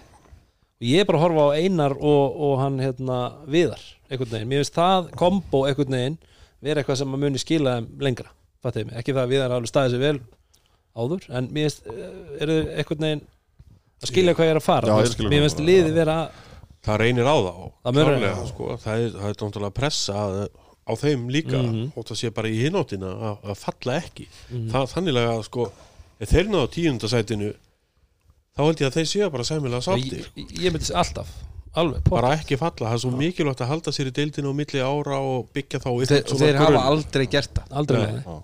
Sem er alveg, rosa. Mm þess að það hlýtur að vera það sem þeir eru að horfa á núna það er bara, það er basically bara það það er ekkert verið að pæla í, í lengra skilja. allt, allt annað er bara bónus þú veist, Nei, það þú er veist- bara að ná þessu tíundasæti þá er ertu bara sáttur. Ég, þú veist, ég dáist að eljunni sem er búin að vera þarna og, og, og, og, í viðari að, að vera þarna upp og niður og upp og niður og upp og niður og þess heldur sér líka frábært fyrir hann að fá einar með sér þú veist, upp á þetta. Að, þú veist, við erum ekki einn að standa í þessu þannig. Já, já, einar náttúrulega með góða úrvasilda reynslu. Já, Mhm. og, og það er bara nöðsynlegt að vera með góðan aðstofþjálfar í dag sko. mm. já. En það var í er já, þú veist, ég veit ekki með ég er Ég er var að vinna Káar núna rétt á hann já, það eru ekki góða fréttir. Fyrir Káar Sambol og Mallory voru með Já.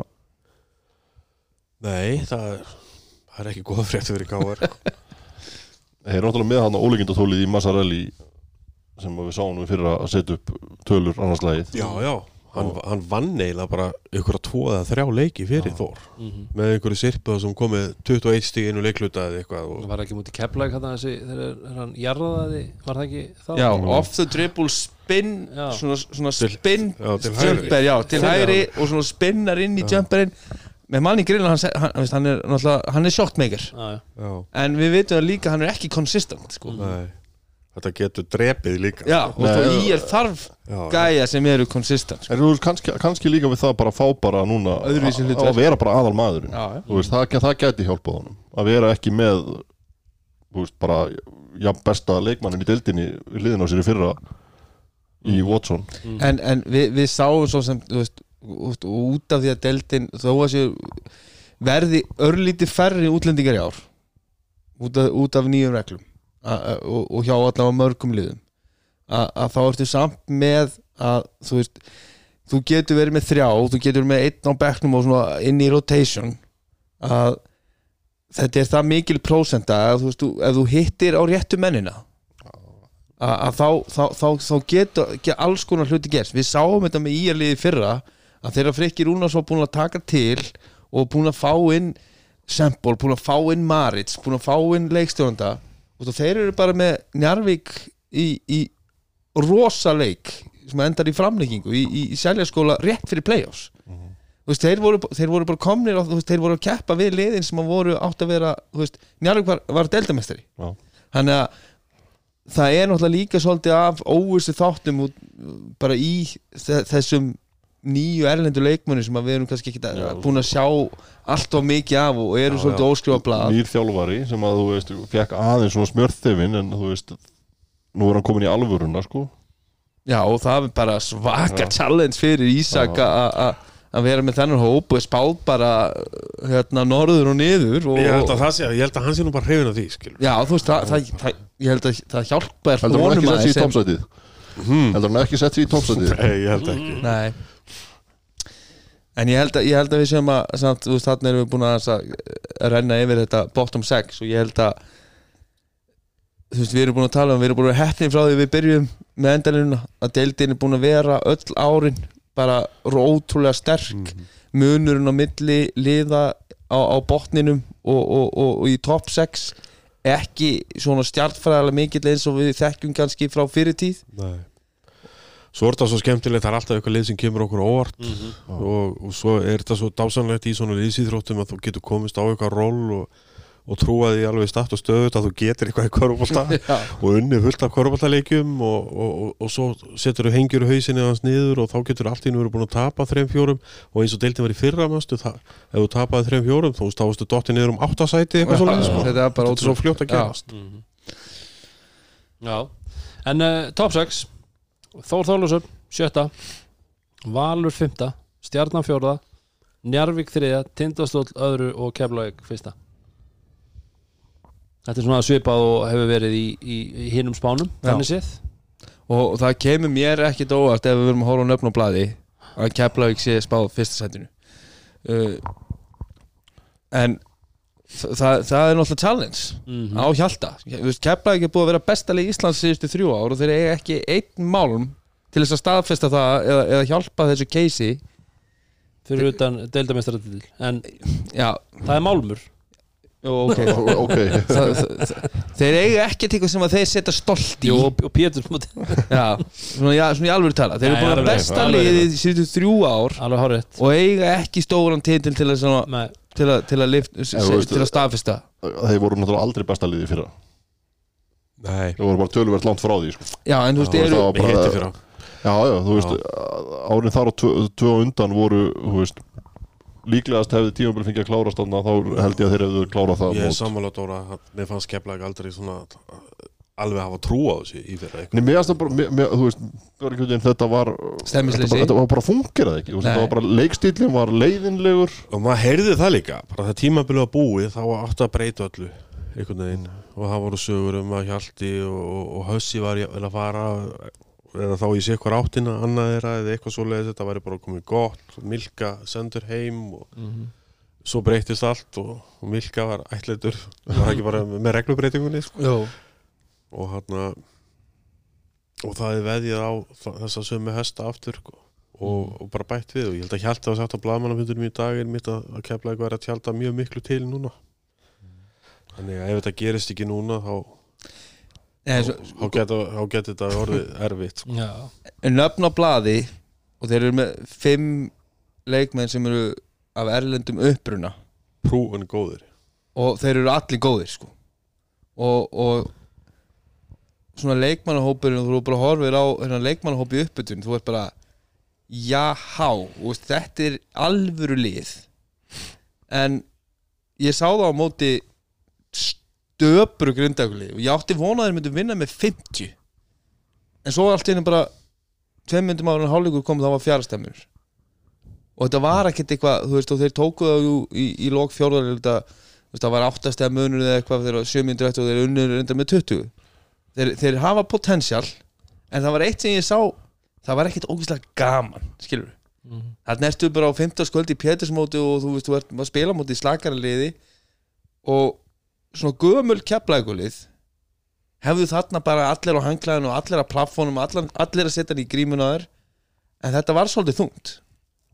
Og, og þá svona, eru þeir bara ætlaði bara að vera í sama. Ætlaði bara að fara í sama pikkurólið ætlaði að vera bara í sama bolta Þetta var bara eina sem maður hefur áhyggjur af. Já, þú sást þannig samt sem að það er auðvitað búið að breyta svolítið mikið með leikherrin því að til dæmis eins og Haldogarðar er allt í hennu farin að sjást. Hann alltaf sást ekki í þessu þessu pikk og róli endalaust, þá var hann bara svolítið tíndur út í hodni Já, þarna er komið miklu meira flæði á bakvörum fyrir utan, þar sem þeir eru farin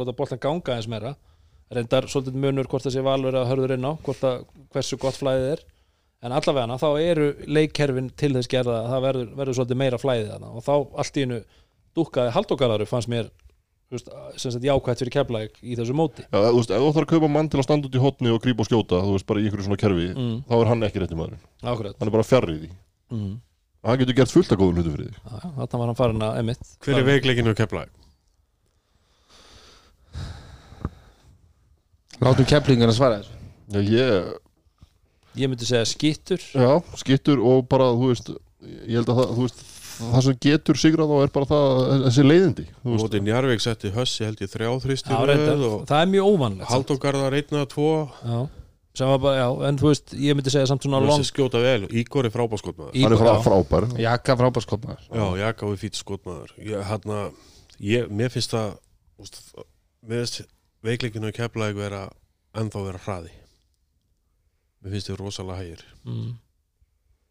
en þú veist, eins- eh, liðið sem voru með í fyrra það hefði alveg getað að spila hratt og hefði átt að gera það þegar þeir komin í móti, þegar þú veist, liðið sem þeir enduðu með það var bara golden lið til að fara að hlaupa.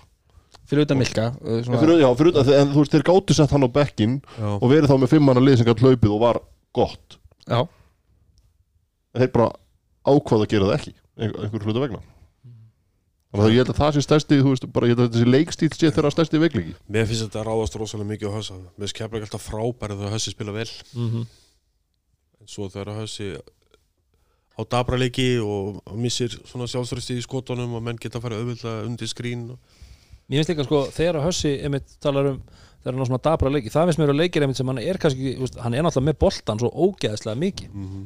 þess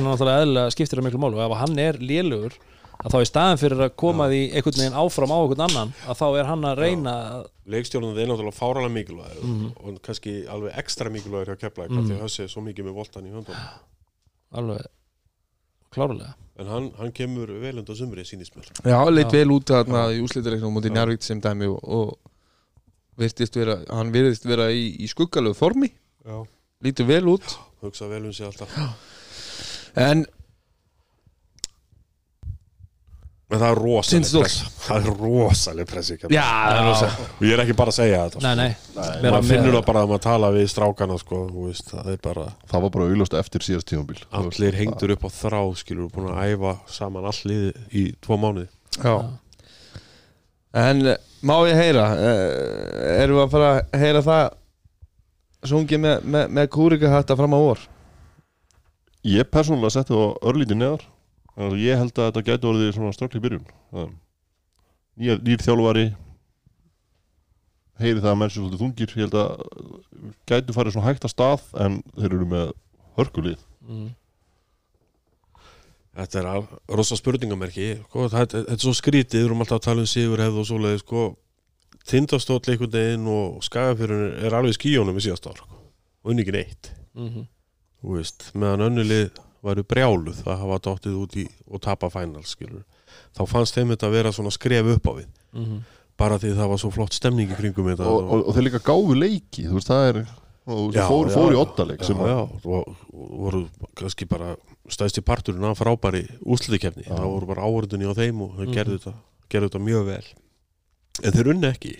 Og það er bottomlænið og núna koma þær inn í tímabili sko, með svona þetta fest í hausnum sko, og ef það gengur ekki vel í byrjun þá gæti held ég komið svona smá bakslag í þá söðagrósmenn Mm. og ég held að komið líka bakslag í stemminguna. Já, það er, það, já, það gerist náttúrulega alltaf. Já, já, þú veist, en, en, en til dæmis, ég held að þeir, ef að, svona þessi stemming og, og þú veist maður finnur að bara körfubólta áhugin í veist, ég held að þú veist, við, eig, við ég ætla bara að segja svona, við eigum hennan skagaferði hlustum, sko, ég, ég veit ekki hversu margir ska, hérna, skafferingar kom ég aldrei hitt á að bara, herru það er ekki hérna upptakaði kvöld svo, þú veist, Já, maður bara en, eh, líka sko munurinn á hlustuninni þegar það er unn og eru töpuð. Já, það var bara, það, það, það var bara hundruðum. Já, það var ótrúlegt. En, en, en stemmingin sem, sem, að, sem að skapast þarna og, og, og, og, og þetta andrúsloft sem var á heimaleikjum í úslutikefni það var náttúrulega bara einstakt en ég held að þeir til dæmis gætu ef, ef, ef þetta fer vel á stað þá held ég þeir gætu haldið alveg ótrúlegu víi hérna fyrir norðan Pott, já. út af því að það, það er bara, það, ég held að bara, það er bara kjaft fullt í hverjum leik sko. Já, það er alveg pottið og þeir eru, við sýnist þeir vera að reyna að vanda sig í hinn og þessu skilur, þeir eru búin að vera að ráða erleta þjálfara í hinn og þessa stöður og, og eru ekki bara að hugsa þannig lagaðu mistraflokk Karla heldur eru þeir að hugsa um uppeldistarfi líka mm. haldur utan um það og eru búin að lifta svona alveg grettistæki í því og draga allar svona nærbyðinar inn í þetta líka og, og, og veist, þetta er ekki bara lengur söðakróku sko, þetta er bara blöndós og, og allt hann í kring Mm. og allir hoppa á vagnin og það er rosalega vel gert hjá þeim og hérna þannig að ég er sammálað þér húnna sko, ef, ef þeim gengur vel sko, þá, er, þá verður bara fullt hús á öllum leikjum hana, tróðið Já og allstar, saman hvort þessu í, í síkjunu eða hvað, það er að verðast verðast, það verður fyllir örgulega eigirstæði líka. En það eru náttúrulega karakterar í þessu liði strákar, þú veist, það- og það gengur ekki allt saman vel fyrir sig sko, það er alltaf stutt í drama. Já, já, og þa- það er einhvern veginn það sem maður er hrættastu við að vera komið með svona balkan þjálfara, hvernig hann getur stuð á menn sko, eftir frekar léttan þjálfara á undan. Já, maður veit hann, ekki. hvað hva hann er frá hvað landi er hann? Maður veit það ekki, Var, er hann ekki Serbið og Króatið? Já, Króati- Vladimir Króati held ég. Ansulovic er, er að koma til þeirra frá, frá Sadar. Uh, Veit getur verið Króatið við höfum séð að fara þeir hafa farið í Finna. Það gekk ekki vel, þeir voru með Ísrael Martin. Það var upp og ofan þar sem þeir náðu aldrei að klára dæmið. Uh, þessi gæi Borsi ekki ekki? Jú, Bortse, jú, og, og var náttúrulega reikin svo. Uh, Þannig að þeir, þeir hafa pröfað að fara í útlensku þjálfarna oftar en er öll önnu lið. Uh, en nú eru þeir komni með þeir eru með balkanagan. Þeir eru að fara þú veist í, í, í bara upprunnan hérna sko þú veist á, á, á hérna ykkur í svona gæðviki honum er skýt sama hver þú ert allir ég giska á, þú veist, og hann- er ekki að pæli því veist eh, hver fóruldrænir eru eða, eða hvað, hann er bara að fara að spila uh, til þess að vinna en, en, en íslensku körubolti er oft svona aðeins flóknari heldur en það sem gerist á meðlandinu hvernig sjáu þið þetta Já, samband? þú, ert ekki með að fullu atvinnumennsku sko, þar sem að þú veist bara þú getur valið menn í liði, þannig ertu bara með menn sem þú færði í hendunar þetta er bara menn sem þú þarf að spila með. Og ef að hérna, mamma henni er í stjórn eða eitthvað skilur þú veist, ég, það honum sér alveg sama en það er málið er hvernig, hvernig á sögurkrókur eftir að höndla þetta. Já, þú veist, hvernig á skagafjörun eftir að- að að- að vinna með honum? Og það fer held ég ótrúlega mikið eftir bara svona fyrstu umfyrun pottjett og hann ég held að það sé eiginlega ekkert aðlatrið hvort það sé útlendingur eða er bara að skiptum þjálfara. Hann er, hann, er, hann er ekki að fara að halda áfram með það sem síðustu þjálfari var að gera hann er bara að fara í algjörlega sitt. Og hvort að það hendi leikmunum Tindastóls, við vitum það ekki. Það var búið að finna ansi góða blöndu í fyrra. En hann er að byrja bara algjörlega frá grunni. Með nánast sömuleik menn og búið að bæta aðeins við og, og, og kannin farin náttúrulega, breytinga þar. En það er ekkert sem segir okkur að, að þeir séu sama sterka lið og í fyrra þetta er svona ein- einn af svo óvissu þáttum sem við hefum bara eftir að sjá. Og við fáum það nú samt bara í fyrstu umferð. Já. stöðu tjekk á þessu það öllu verður- geggjað að fá keflag tindasól strax. Já, Þú veist, það, það, það verður ég, ég ætla allavega hérna nánast bara að- að, það hérna, er förstas messa. Já, það er bara messa, ég hafði bara slögt á öllu hérna og það, ég ætla að vera bara með kveitt á sjópinu og bara, það er bara fullu fókus sko. ég held að verði algjörvisla Já, ég er samanlega ég held að maður sjá það strax í þeim leik. Af því þetta er svona hörkuleikur að sem reynir á og þá sérðu bara strax systemi mitt virkar á mútið þessu liði eða ekki. Já, og, og, og þá hann það verður gaman að hlusta á þáttin sem þið tekið upp. Fyrsta skóldið En uh, Njarvík, strókar Þriða seti Sangat okkar spá. Ég sko, ég, ég ef fólk er að spá í það sem er búið að gerast núna í haust þá hefði Njarvík alveg geta verið neðan finnst mér sko af því þeir eru ekkert búin að heilla mig mikið sko. mm. þeir eru búin að vinna leiki og, og, og tapa leikjum og, Já þeir vinna náttúrulega góða sigra hérna í, í gleisilmótinu á móti Val og, og, og Þór já, náttúrulega hálfum með ha, valstið Já, hálfömuðu varsli og, og þú veist, en Njarvík einhvern veginn finnst mér ekki verið búin að vera að spila eitthvað svona fullmótan liðsbolta það sem ég hef séð til þeim Mm. og, og, og það kæmi mér alls ekkit sko út af því að eftir árið fyrra og, og svona trúna í Njarvík og þú veist og vombriðin að vera þú veist með þennan leik hérna þú veist þegar ég var kom með tvo rauð og eitt grænan og, og þú veist, og þessi leikur með comebackinu svakalega það sem ég er ennþá jafnum á þessu sko. Að svona eftir að vinna prísisón byggarinn vera deildamistarar að það, það ætluðu allir og hvernig liðið var að gera góð hluti og vinna um að klára dæmi, það ætluðu allir bara að taka tvöfalt. Það var bara svona hugafarið og á þessum nokkru mánuðum núna það, þú veist svona andin í Njárvík og hverju tímabili í ljónugröfinni, það, það vilja allir vinna titla. Mm. og þá er ég bara ekki viss um að það sem ég hef séð til dæmis af uh, bossmann leikmennu njárvíkuleysins að það sé nægilega stert. Ekki að þeir séu lélegir körbólta það þeir eru bara fínir körbóltamenn en hvort að þeir séu með nægilega svona stóra karaktera sem, sem að geta tekið yfir á, á, á, á erfiðum mómentum eins og munu koma upp í úsliti keppni fyrir fullu húsi í, í síkinu og, og allt á mótið er hver ætlar að vera, þú veist og, og Basílónin þreyttur og, og Haugurónin tæpur í bakinu, erum við með hann þriðja gaur sem ætlar að koma og, og stígu upp? En líka það er bara ekkert nóg í þess, þessari deild í dag það er að vinna titilinn að vera með gæja sem eru góður í körubólta þú veist. Þeir þurfa bara að vera bara á standing. Útlíkandínir til að, til að þú vinni titilinn. Bara deildin er orðið það sterk. Ég hef engar ágjörn örguleginu Að- bara því það er september og ég held að það er mjög mörg lið eftir að breytast Mhm. eins og við sjáum alltaf bara já, það er oft nýtt móti eftir er en, en grunnurinn í Njarvík er mjög góður fyrst mér. Að, að fá Hauk og hann, æfandi allt sumari eða þú veist missa ekki af undirbúnust tímabilinu koma full force með inn í þetta og halda þessum roleplayi sem geta komið allir og leist af mínútur og, og Mario í, í, í dundurformi Basil gjör samlega frábær. Mhm. Þú veist, hann, hann lítur rosalega vel út núna með að við sama tími fyrra. Búin að vera á fullu í allt sumar.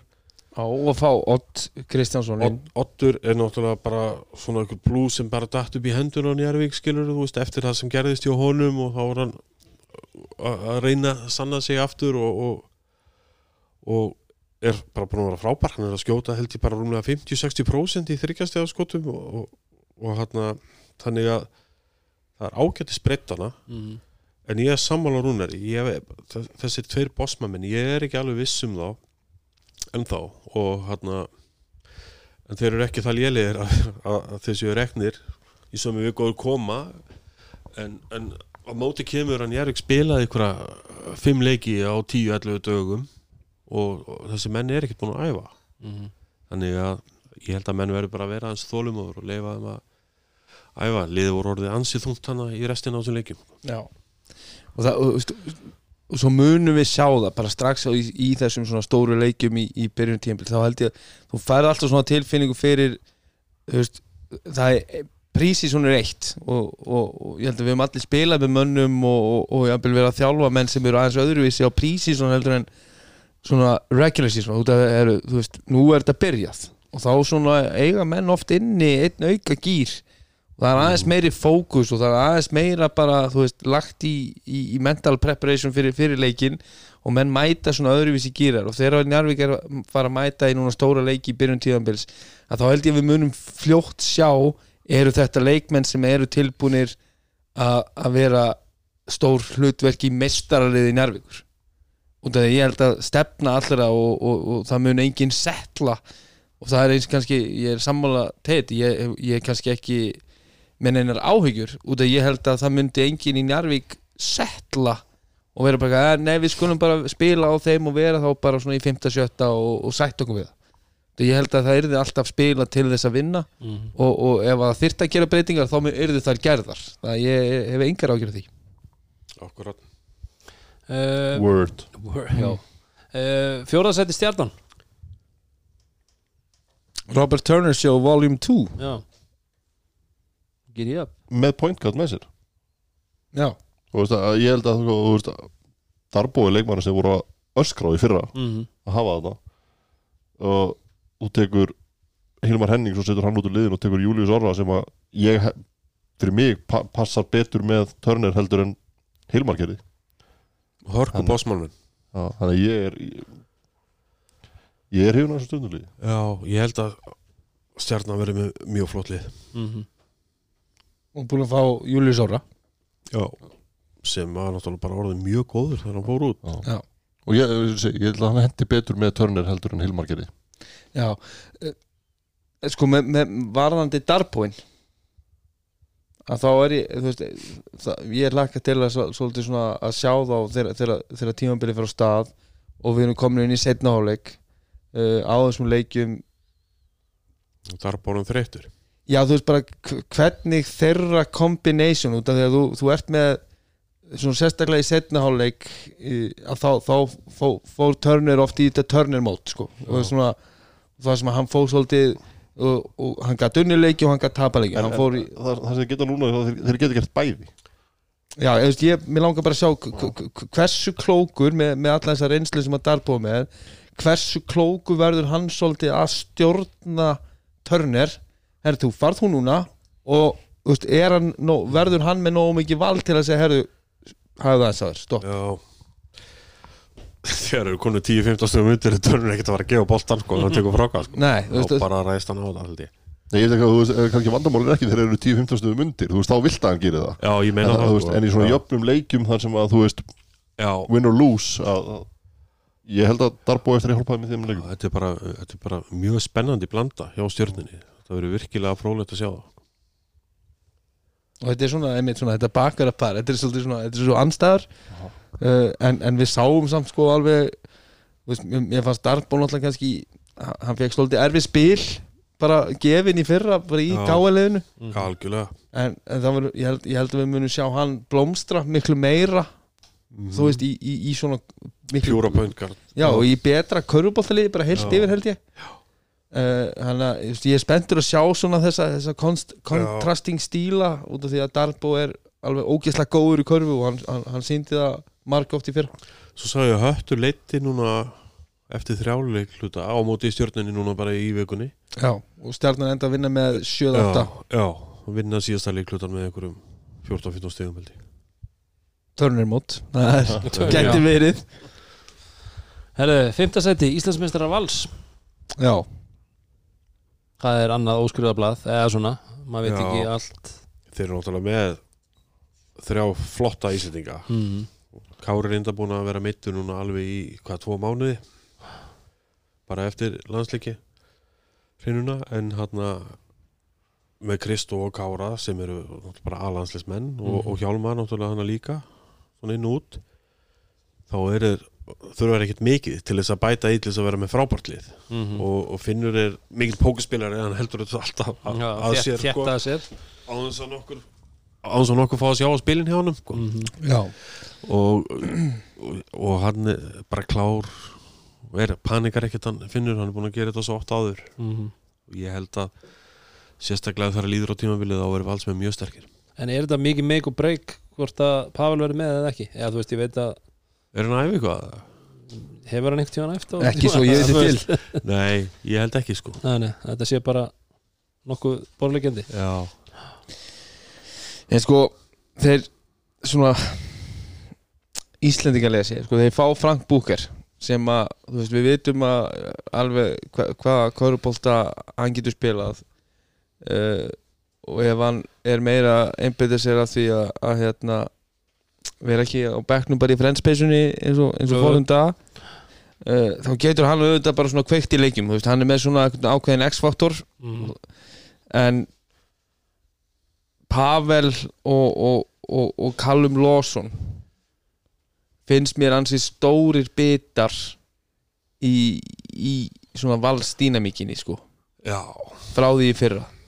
Uh, og þú ert með, með það núna að þa- það er, þú getur bara haft þess að þrjá þó að þeir hafi verið að spila en svona öðruvísi þú veist, hvernig þeir róteruðu og voru náttúrulega alltaf með tvo Íslendinga á gólfinu. Mm að að þá þá, þá verður mynd mjög frólægt að sjá þegar að Finnur fer að sína þessi spil. En, en ég held að hann þurfa að sína þau fyrr og þessum tímanbali með við þann núverandi leikmannahóp ef, ef, að- ef að Valur ætlar að, að, að hérna, gera tilkalli að, að verja titilin já maður getur ekki beðið fram á nýja árið. Nei, Við tölum svona að þeir þetta fyrir lið. líka sko að það- þeir hefðu þurft að sína þau fyrir þar skilur þeir fara og klára þetta síðan restina. Þannig að Já, þetta er, þetta er áhugavert. Þetta er áhuga, áhugavert nálgun bara. Og sjáu núna kannski hvað Pavel er gríðarlega mikilvæg leikmaður. Mm. og sérstaklega þá varnalega eins og hann gerði þetta oft í fyrra fyrir þá. En svo, mér fannst það í, í úrslitkefni þá, þá fannst mér valslegi betra með Pavel og Becknum já, en ég held samt að hlutverki hjá Pavel bara í karakter hópsins í, í, í hugarfari í, í, í svona einbeitningu og, og, og ákveðnum aga og, og ykkur svona ykkur svona, er, ykkur svona elementi sem held ég að sé erfitt að lýsa sem hann mæti bara með henni í klefa. Já, hann held ofta ræðurnar og svona, veist, hann, er, hann er rosalega mikill leitóði greinlega Mm. þótt að margir haldi annað að hann sé ykkur fílubúki þá er hann mjög mikill leitói það sem valstrákanum horfði mjög mikið upp til hans að því það meikaði allt sens og, sjónvarsættirnir sínd okkur að já, svolítið já, líka. Akkurat og svo þegar þeir fara að gera hlutina sem hann er að byggja um að gera og þá sjáður að liðið verður alltaf bara betur og betur og betra þannig að það er enginn að ringja. Þannig að auðvitað er þetta svaka missir í honum. En mikill náttúrulega- sigurveri sko. Í fyrra líka sko þá voru þeir ja- jafnvel betri með Kárabæknum Þeir eru komin í finals til dæmis. Já, veist, að Já, þetta voru orðið Þeir voru betri- sem ekki skák hana. betri varnarlega Já, já, og, veist, og hendaði betur á móti tindastól að Já. Kári verið bara á bekknum Mhm. þannig að, já, þetta er þetta er, þetta er áhugavert Mhm. Þetta er bara veislar sem framvistan er Og í sjötta sæti fyrir þá sem eru búin að, að hérna, lesa í þetta þá gera þessi grein fyrir því að Íslandsmeistararnir og tímabilinu undan eru þar Þór Þorlósöp sem að voru nú í Európa-kemni núna um daginn Já, það er rosalega erfitt að lesa í Þór Já, það er það sem að ég bara fekk frá öllum náðum sem að sendu inn hérna að það var hérna það er ættu erfiðast með að lesa í þetta þúslið Mhm. Það er líka svona kannski svipað á með njárugli sko. það er ekki alveg, við erum ekki alveg viss um hvort við sjáum þessa útlendinga eftir einn mánuði, tvo mánuði eða þrjá mánuði Mhm. við gætu breyst en hann frábæð þjálfari sem er búin, heldur betur búin að sanna sig og ég held að hann drægi allt út úr þessum mannskap á endunum sko. og, já.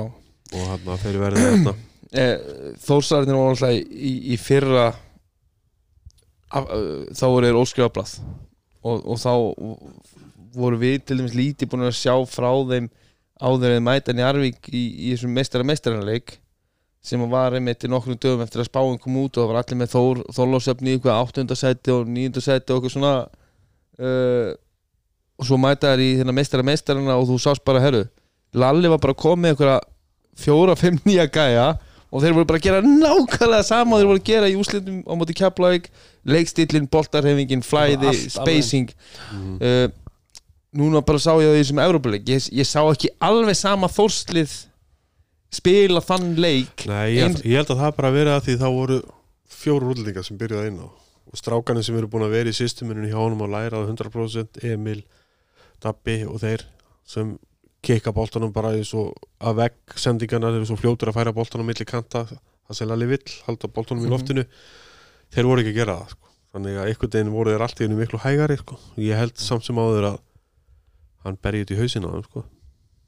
það er rosalega erfitt að dekka þann bolta það er mjög erfitt að dekka þann bolta en þú veist bara í þessum ef, ef ég fyrir aftur þetta ár tilbaki meistara meistarana það sem að mér minnir að veist, það var áður en að Maserelli byrjaði að fara á bekkin hann byrjaði að leik með Glenn Watson Maserelli, mm. uh, Mortensen Rudd Kauskas og það var einhver eitt hvort það var Dabbi Kongur með þeim Mm. og þeir byrjuði þann leik bara og, veist, og, og, og það var bara aukasending eftir aukasendingu og, og ég held að hann væri að fara að skjóta en þá kom önnur aukasending á ennþá hérna opnari mann og þetta voru allt skiptur fyrir utan Rúd Káskas uh, og svo eða lendi í vandræðum og eitthvað hegst þá voru með Gwyn Watson til þess að búa Já. til skot einhvern veginn, þannig að þú veist, þau fóru ansýla með þá þetta, þetta var þú veist, maður mað sá þá bara einhvern veginn svo fljótt í fyrra að vera komnir ángar ég, þeir, ég held þessi ég held að, einmitt, ég hef það mikla trú á Lalla og það sem hann hefur náð að búa til hérna í Þorlásöp að ég held að muni alveg geta það. En, en þú veist, ef þeir eru ekki komnir ángar þú veist, á fyrstu umförunum að, að, að deildin er bara það sterk held ég að, að hve- hversu hátt er muni ná hvað skiptir miklu máli að vera með þetta svona bara frá fyrstu mínútu, fyrsta tip-off hafa allt klárt það skiptir kannski ekki máli en, en, en bara, þú veist, að lendi ekki of aftarlega þú veist, að vera búin að fá inn of mörg töp Já. í byrjun, í svona sterkri deild það, þá lendur þú bara í gætur að lendi alveg afskaplega erfiðu Já. fyrsta einvi í playoffs Það er bara, þú veist líka bara að þetta, ég hugsa ekki svona sko. þetta topp top fjórir í dag held ég að sé miklu mikilvægri heldur en það var fyrir nokkur mónu síðan fyrir mér ég hugsa freka sko að að liðin eru svona ógeðslega tip-top í fyrsta leik þá hugsa ég bara, wow þau eru búin að vera lengi að Mhm. þetta tekur langan tíma þá er ég miklu hrættari við sko að leikja þetta haldið intensitínu fram, fram á vor En þú veist, eins og, og Þórsarðin, þú veist, þeir ættirinn að vera komnir örlítið lengra vegna þess að þeir voru að, viss alltaf að þeir voru að fara í þessu Európakjörn á Já, þessum tíma, þannig að þeir ætti að vera komin skrefinu lengra heldur en hinliðin. Einhvern veginn sá maður ekki í þessum leik að það væri málið. ég veit ekki hvort, þegar ég var að þjálfa að einhvern veginn, þá fannst mér stundum svona let go þú veist. Þá vildi ég ekki að allir væru 100% allan tíman ég vildi freka hafa svona stíganda í því skilur og svo bara það var mánuður eftir þá var bannað að meiðast allir mæta okkur einustu æfingu skilur Mhm. þannig að veist, menn fundu það nú er þetta komið í gang, nú skiptir allt máli einhvern veginn og, Mhm. og einbyttingin og menn veist, voru ekki þreyttir sko. ef menn séu alltaf á nálum allan tíman, það er líjandi Mhm. það tekur á sko. Já. þannig að þegar þú þurftir auka gas á tankin þá var nýtróið eftir já, Skilurðu? já, ekki bara um leið og lendur á vegg og þá "Hörru, við getum ekki betur. Við vorum, við vorum búin að vera á fullu alla veitur Mhm. einhvern veginn, að láta menn trúa því að það sé meira, meira til hann þetta, er- þetta er ferðalæð já, Hvort er mikilvæg? Ferðalagið eða áfangastæður? já, Þetta spyr hún alltaf Áfangastæður Það er þegar við komum upp að hérna Hvað heitir það? Geldingatölum. Það er Það er happiness það er happiness það er bara svo leys en, en, svo er þetta svo, svo, svo hérna þetta er svo skemmtilega pæling ég hef nú alveg heyrt teitið mig tala um þetta þú veist, áður. Mm. hvernig þegar þeirra svona að nálgast að úsliti keppni að þá svona þá, þá taka menn þá eiga menn kraftir inni til þess að taka þetta aukaskref mm -hmm. Herru, þú veist, nú er þetta í alvörunni fara að skipta máli. Og við höfum alveg séð það þú veist, og K.R. til dæmis gerði það smá veist, á- í, á þessum árum Bara listgrein. Já, svona, svona, þú veist þeir voru bara svona einhverjum svona gýr svona, svona. finnur. Já, ég, það, ég ætlaði einmitt að segja það hann er klári í þessu. Já, en, en það, það sem hjálpaði þeim náttúrulega á þeim árum var veist, bara gæðin í þeirra leikmannhóp og, og, og sm, smá mitt mat að það, það var ekki jafn mikið frelsi í útlendingum og er Mm, kannski ákvörðat í dag. Já. Eh, en, en svo er ég kannski líka litaður af, af hérna af, af, af kvennadeldin út af það er einhvern veginn það sem ég bara hærist í að það eru bara fjögulið sem fara í úrslutkemna Mhm. og, og þú ofmörg má- mátt ekki gefa. Nei, þú veist, ef þú tapar þú veist, of mörgum leikjum í þú veist, fyrir áramót já, að, að þá getur þú bara lent í vesinni við það að ná akkurat. Hinulegun sko. Þetta, er alltaf kun sko. Úst, ég tala um á þannig að er, ó, ég er ógislega tapsár. En svo mátt ekki setja ómikla tilfinningar. Þú mátt ekki fara langt niður nei, skilur og, og þá varum maður líka einhvern veginn að reyna að deila því til liðsins líka. Það er ekki hímun og jörð að þetta er ekki heimsendir sko, Nei. nei. á meðan maður sér hjá sumum liðum sko, hvernig umhverfið bara það verður eitthvað svartnætti yfir liðum. Já. að ég tapa einu leik þú veist, og þá er bara orðið stress og panik erum við að fara að tapa öðrum leik. Þetta er tótið kun svona þetta æðruleysi einhvern veginn. Að fara í gegnum þetta veist, lærðu af tapinu farið í gegnum þetta á næstu æfingum og, og gerðu það eins og maður. Það líka, líka mikilvægt sko, að embracea sigrana sko, þú veist að, að því veist, það, það er, að maður hefur séð lítið í það að vera, þú veist hægt að fagna ég er að segja það, þú veist, þetta er bara orðið þólið ekki. bara 50 dagar þar sem þú bara vinnur leik og ferð, ferðin í klefa og... kefla ekki smá þú veist, já, já, þetta nákvæmlega fyrir mjög töguna á mér sko því, það er hitliðið er líka búið að æfa sig í marga mánuði til þess að reyna að vinna þig Mhm. skilur Mhm. og veist, þú átt bara að byrja það mikla virðingu fyrir sjálfu þér að brosa og hafa gaman og að þú ert búin að achieva eitthvað skilur Mhm. þú veist, ef maður lappa í klefa og, og grípið pítsudrastl og, og fyrir styrtu og heima og svo brosa eða tala um það skilur ákvörð þetta undfull, þú klikkaðir skotið hann í ma- manni fannst þess og við tölum oft um í fyrra að vonbriði tímabilsins undan hjá Keflag að því voru að minnast að það voru að smitast í hvernig þeir voru að taka bara það leikjunum var í fyrra. líka bara, það, það er PTSD það var líka bara talað upp skilur þú veist, bara sem fyrir mér var bara klauvalegt, skilur þú Já, þjálfarni já. kemur í viðtal bara og talar um það að þetta hafi verið erfitt að- veist, það- það- veist, þessi skilabóð er ekkert réttin í hópin nei, þú veist, að, að þegar þú ert orðin of góður til þess að fagna því að hafa verið unni körbáltaleik að þá þarfst aðeins að Já, þá ertu bara þá ertu á röngum stað já, þá það er, er bara svolítið svolítið veist, þegar þetta er orðið einhvern veginn svona sjálfsagt. Mhm.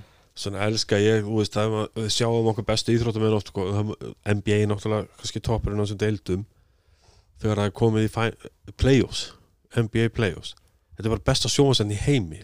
Mhm. þegar þú sér þess að gæða sem eru búin að spila 82 leiki fara bara upp á annar level skilur. nú er spilu vörð, nú tökum við á því og alveg svo vorum að horfa á Evrópikeppnina núna í sumar að sjá þess að gæja sem eru sko með hundruði miljóna í laun eins og Luka kastandi sér í boltan alblóður út um allt að spila fyrir litla landsliði sitt sem hann þarf ekkert að gera sko. nei, Þú veist, að sjá svona præti í þessum köllum finnst mér æðislegt sko. Það er líka svolítið bara að koma að spila bara, þú veist, svona, þú veist, þú ert ekki að spila fyrir pening hann, þú spila fyrir Já, stoltið bara, þú veist, ekkert það annað. bara ekkert annað Nú er alltaf er ég búin að ákveða það ég ætla að hérna, samninga við við Teit Örlus hann bara að heyra þessi orð koma út úr þessi manni Mm. hann er að fara að koma og fundi í bóðanum með mér og liðinu mínu hérna eftir nokkra dag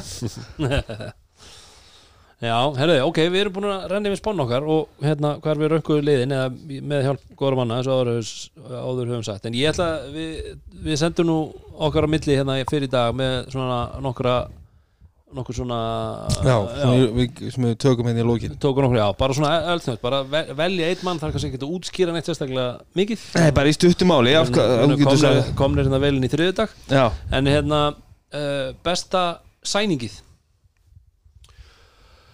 Ég held að það sé hjá Keflavík að ná í Ígor mm. ég held að það sé algjör snildasænt hjá Keflavík að því að því þeim ef þeir ekki fengið svona mann þá er Keflavík verra heldur en í fyrra held ég. Mm. að því þeir voru með hvað heit hann, Darius í fyrra Mm. sem skilaði, ef þið skoðu tölunar á Darius í fyrra, þetta voru bara frábæra tölur en ég held að Ígor fyll upp í þetta og gott betur sko. Mm. Ég er sammála bara, svo við áður en að Dóri ég veit ekki hvort hans er sammála líka. Ég var með hann eftir hann á blæði en hérna, fyrst að Teitur og og Rúnar tóku hann þá ætlum ég að taka bara Darbo. Ég held að hann eigi eftir að vera, þú veist, bara það sem, að- eins og ég segi, þú veist, það sem að stjartan öskráði í fyrra. Mm. E, Ma, Ígor Marit það er bara leikmaður sem ég vildi fá í ljónagjöfum Þetta er náttúrulega, þú veist, nú var ég bara að horfa á keflauguli þar sem að þeir eru með sko besta leikmann í dildinni á fyrirlutu tímabilsins í fyrra. Og þann bara besta sem ég sá í dildinni eftir, eftir árumót meðan það bara, þú veist, þegar hann komir í dildina Mhm. ég horfði bara á hann, þetta, þetta er besti gæin í dildinni, þetta er bara hæfileikasti gæin hann átti bara geggja framistöður uh, og bara hvað hann er góður í kurubál já, svo, svo það er bara líka eit- eitthvað við svona body language og presence sem að mér finnst menn bera með sér. Mm. og hann var bara mættur hérna í, leikin í ykkur svona æfingamóti og hann er hérna að stjórna uppbytun og Mm. tegjum og veginn bara svona bersi. Mér, mér finnst hann bara í einhvern veginn sé bara sjálfströstið einhvern veginn. svo heyrim við bara, hann gefur bara þvílít af sér á æfingum. Hann er bara, þú veist, að, að ken- kenna strákunum Já. hann, hann kann þetta allt og og veit bara allt sem gerst á fullu. Spenna, spennandi, spe, mjög spennandi sæn Svo sem njárvíkingur þá vona ég líka að að, að Otto Rúnar verði koma ávart Mhm. og það lofar mjög góða sem við séð frá hann hinga til. Og Mhm. þá, þá er hann bara að fara að spila stærða rullu hjá njárvík já, já. Ég setti hérna nokkur annar blað ég var með uh, DSIs líka já, og það getur verið gott sæning þú veist Já. bara upp á hvernig Mhm. hvað vantaði fyrra Já. mesta eftirsjá það er bara, þú veist við veitum ekki hvað verður um Pavel en það, já, það, akkurat það hann, hann lítur að vera eftir á blæði þarna. já. Pavel það verður skrítið að hafa hann ekki ef, ef, ef, það, ef það gengur eftir það er oft, oft setna, setna stað sko já, já.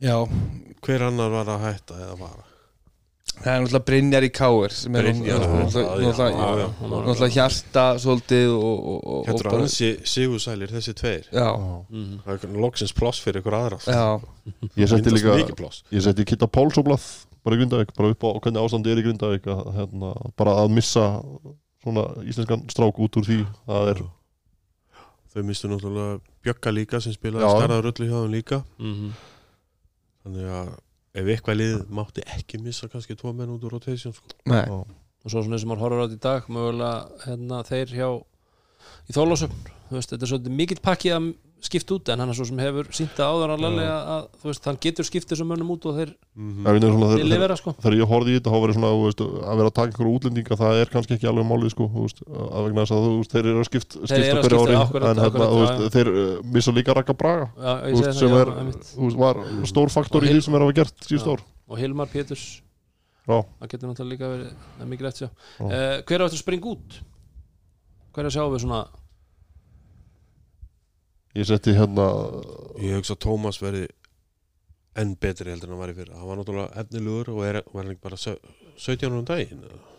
Tómas Völler Jú, ég held að hann er bara í síðustu viku eitthvað svolítið átt hann amali hún var að fermast bara fyrir árið síðan hann er bara skrokkurinn er að verða fullorinn Mhm. og, og ég held að hann verði virkilega flottur og spennandi á þessu ári mm.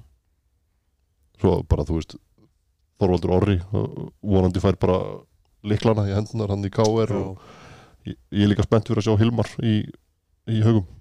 Mhm. ég er hrifin að Hilmari. Ég er, Já, þetta, þetta er þessi svona ungu leikmenn Ég er einmitt líka mjög spenntur að sjá hva, hvaða hlutverk Július fær í stjórninni. Já, Já, uh, og, það, og, og þetta eru svona held ég þeir ungu leikmenn sem að þú veist eiga sens Mm. og við vitum að eru að fara að vera hlutverk ég ætla ekki að sko, þú veist, Július er þú veist, einhvern veginn svona bara eitthvað svona kameldýr sko, þú veist, hann, hann getur farið inn í ímis hlutur, hann getur verið þessi skorur hann getur, hann getur gert svo margt Já, hann er ekki svo Hilmar sem er bara treystir kannski sérstaklega á sóknarleikin sinn sko. Það en, er- en, en ég geti líka trú að því að, að hérna ég var með í þessum flokk uh, hann sem að Teitur nefndi á hann að, að eftir, eftir langa fjárveru Óttur Rúna Kristjánsson að, að, að það sem ég hef séð frá hann núna á undirbúnstíðanbylunu að, að hann komi svolítið á óvart. Ég held að, að margir búin að afskjá og, og hafa enga trú á hann Mhm. og maður, svona, maður heyrði það þe- þegar, þegar, þegar hérna, tilkynningi kom hann í Arvik hafið saman við hann bara svona hvað, hvað er að gera að fá þennan aftur þú veist og var hann ekki bara að spila í fjögur ár og, og hann æfði með kári fyrra. Þannig að hann er náttúrulega með enga svona in-game reynslu. Nei, Þú veist, hann er að rifja það allt saman upp en hann er bara svo óhrættur við allt einhvern veginn. Þessi karakter sko. og, og Ottur er svona leikmaður sem felur sig ekki í stóruleikin hann er tilbúin að taka, hann tilbúin að taka skot. Þú veist, hann er tilbúin að taka hann skari er bara alveg saman þig. Já, það er bara svolítið svo leis þannig að ég, ég, ég er spenntur að sjá hva, hvað hann kemur á gólfi uh, og svo síðustu hver mun ekki standast væntingar? Þetta var, hversu, hversu leiðilega er þetta að vera? Nei, ég, ég átti bara gríðarlega með þetta svona fyrirfram sko. Hérna, þetta er svo leiðileg spurt. Já, ma maður einhvern veginn bara vonar að þú veist, allir, allir hérna blómstri bara og þetta verði bara mm þessi super deild en það hérna það var einhver greindvíkingur af því mér sýnist þeir ekkert vera rosalega vel -hmm. eða komnir langt einhvern veginn. Mm og það er ekki gott að vera í ekki í shape þegar það er vika í leik sko. ég fór að hugsa þetta svona það hefur sjaldan uh, leitt til ykkur mikil sárangur sko, það er bara svo leis ég fór að hugsa þetta eins og þú veist, að, þú veist væntingastjórnunin á ákveðna leikmennum en alltaf eins og dagur kár ekki út á hann að setja sem slíkan en bara að það geti tekið tíma fyrir hann að komast almennilega inn í þetta. Já. og það er örugglega búist upp mjög miklu á honum í voru, já, það er mikla kröfur á Já, Ég hann er, það. hann er búin að vera eitthvað mittur veit ég og búin að vera að missa eitthvað úr. Já, og geti, geti tekið smá tíma þú veist, að komast á þann stall sem við þekkjum. Ég sá nú að Sigvalda að byrja að spila var hann ekki tábrotinn? En hann verðist vera búin að jáða sig. Ég var með þetta á bræðurna í Grindæk Óla og Jóla Já. já, bara svona, Þeir myndi ekki delivera.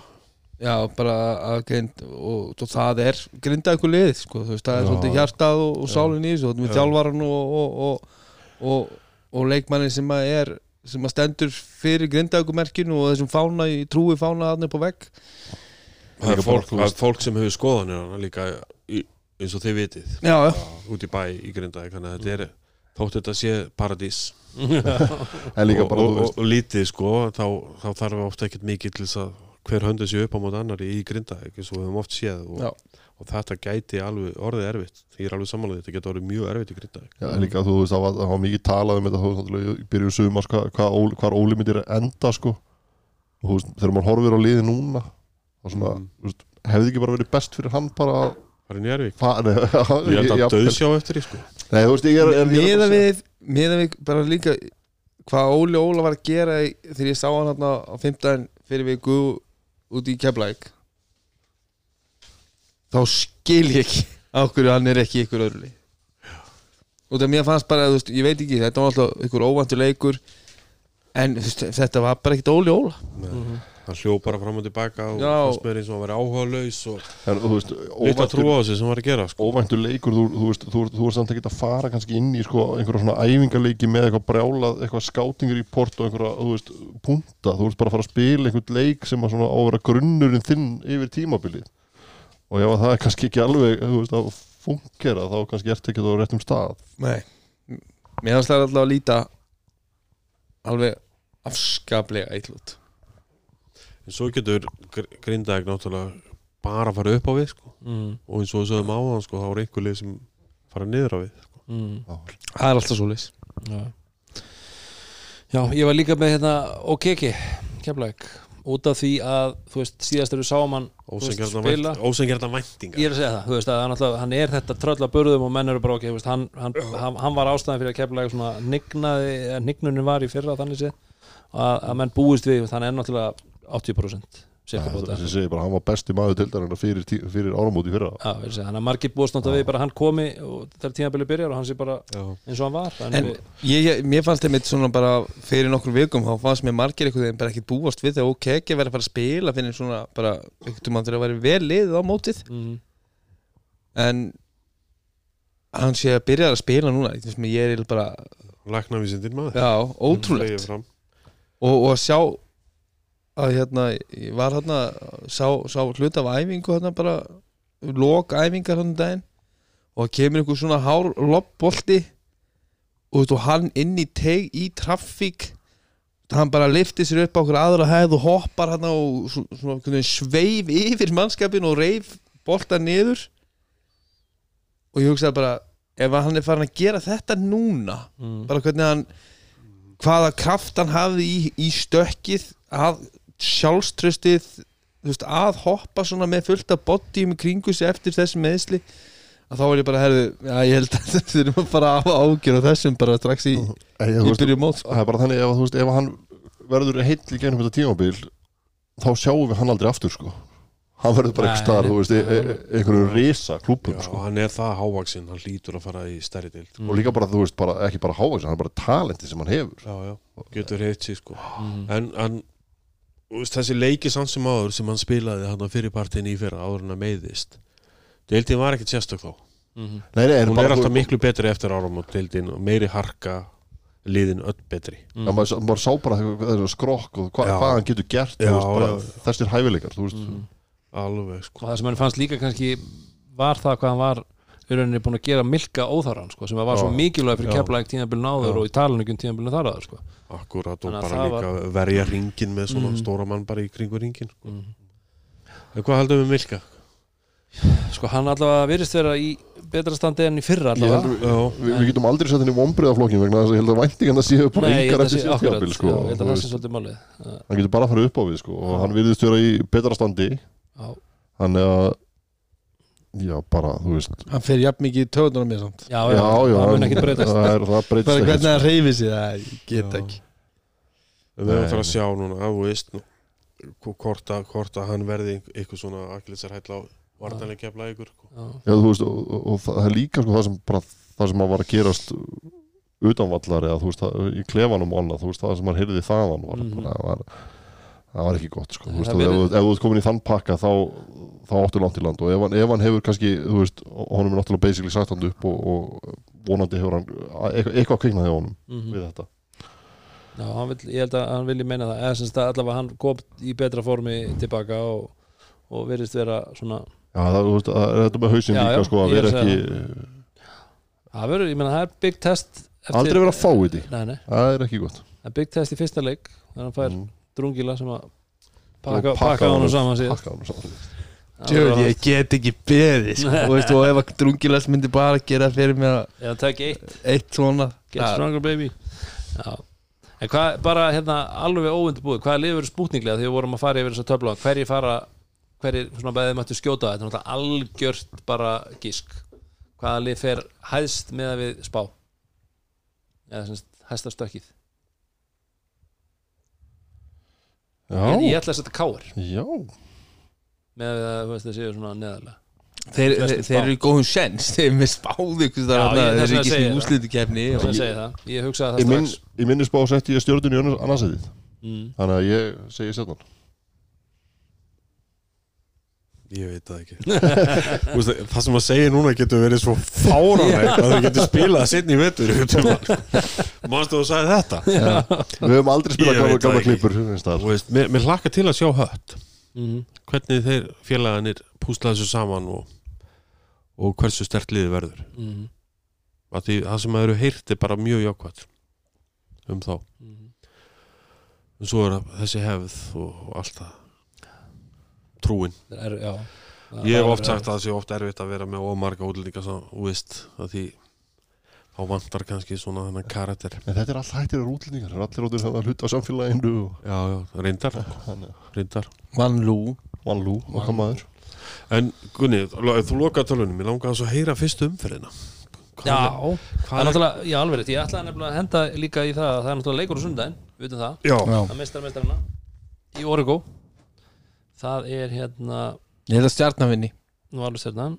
Já, þetta er ekki ekta leikur fyrir törnur Já, það er, er eitthvað sem að segja mér að stjarnan mæti og vinnanleik Herðu, fyrsta umferð. Það er á fimmtudag klukkan kortir yfir 6 þá er Þór Þorlásöp breyðablík svo er það klukkan kortir yfir 7 K.R. Grindavík I.R. Njarvík og klukkan kortir yfir 8 Valur Stjarnan ok, það er sem sagt doppelhættur bara strax á 50 Já.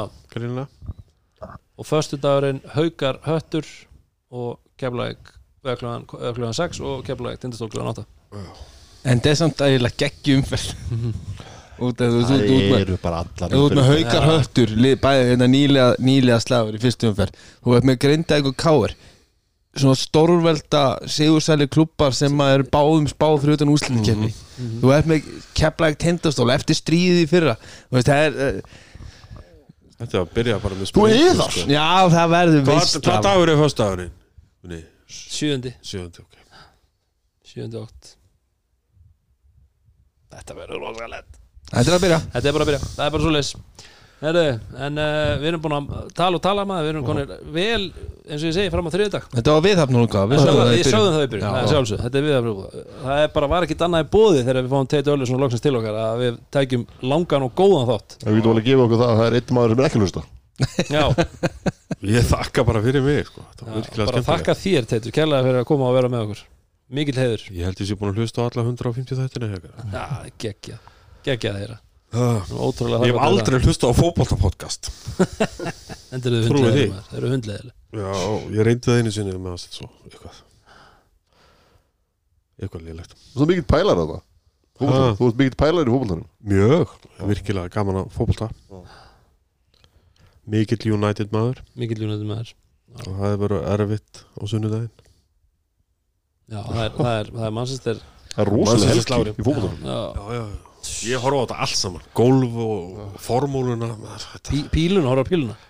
Já, svona er að Sástu Pétur? nei, þegar, að, þegar aðalmótið er hann þá fylgist ég- hans með því. Áramótin hann já. Skipta á hann og Pétur Guðmunds að kasta. Svo ertu, svo ertu í NFL-inu líka? Já, já, mikill Packers maður. Já, fucking Packers.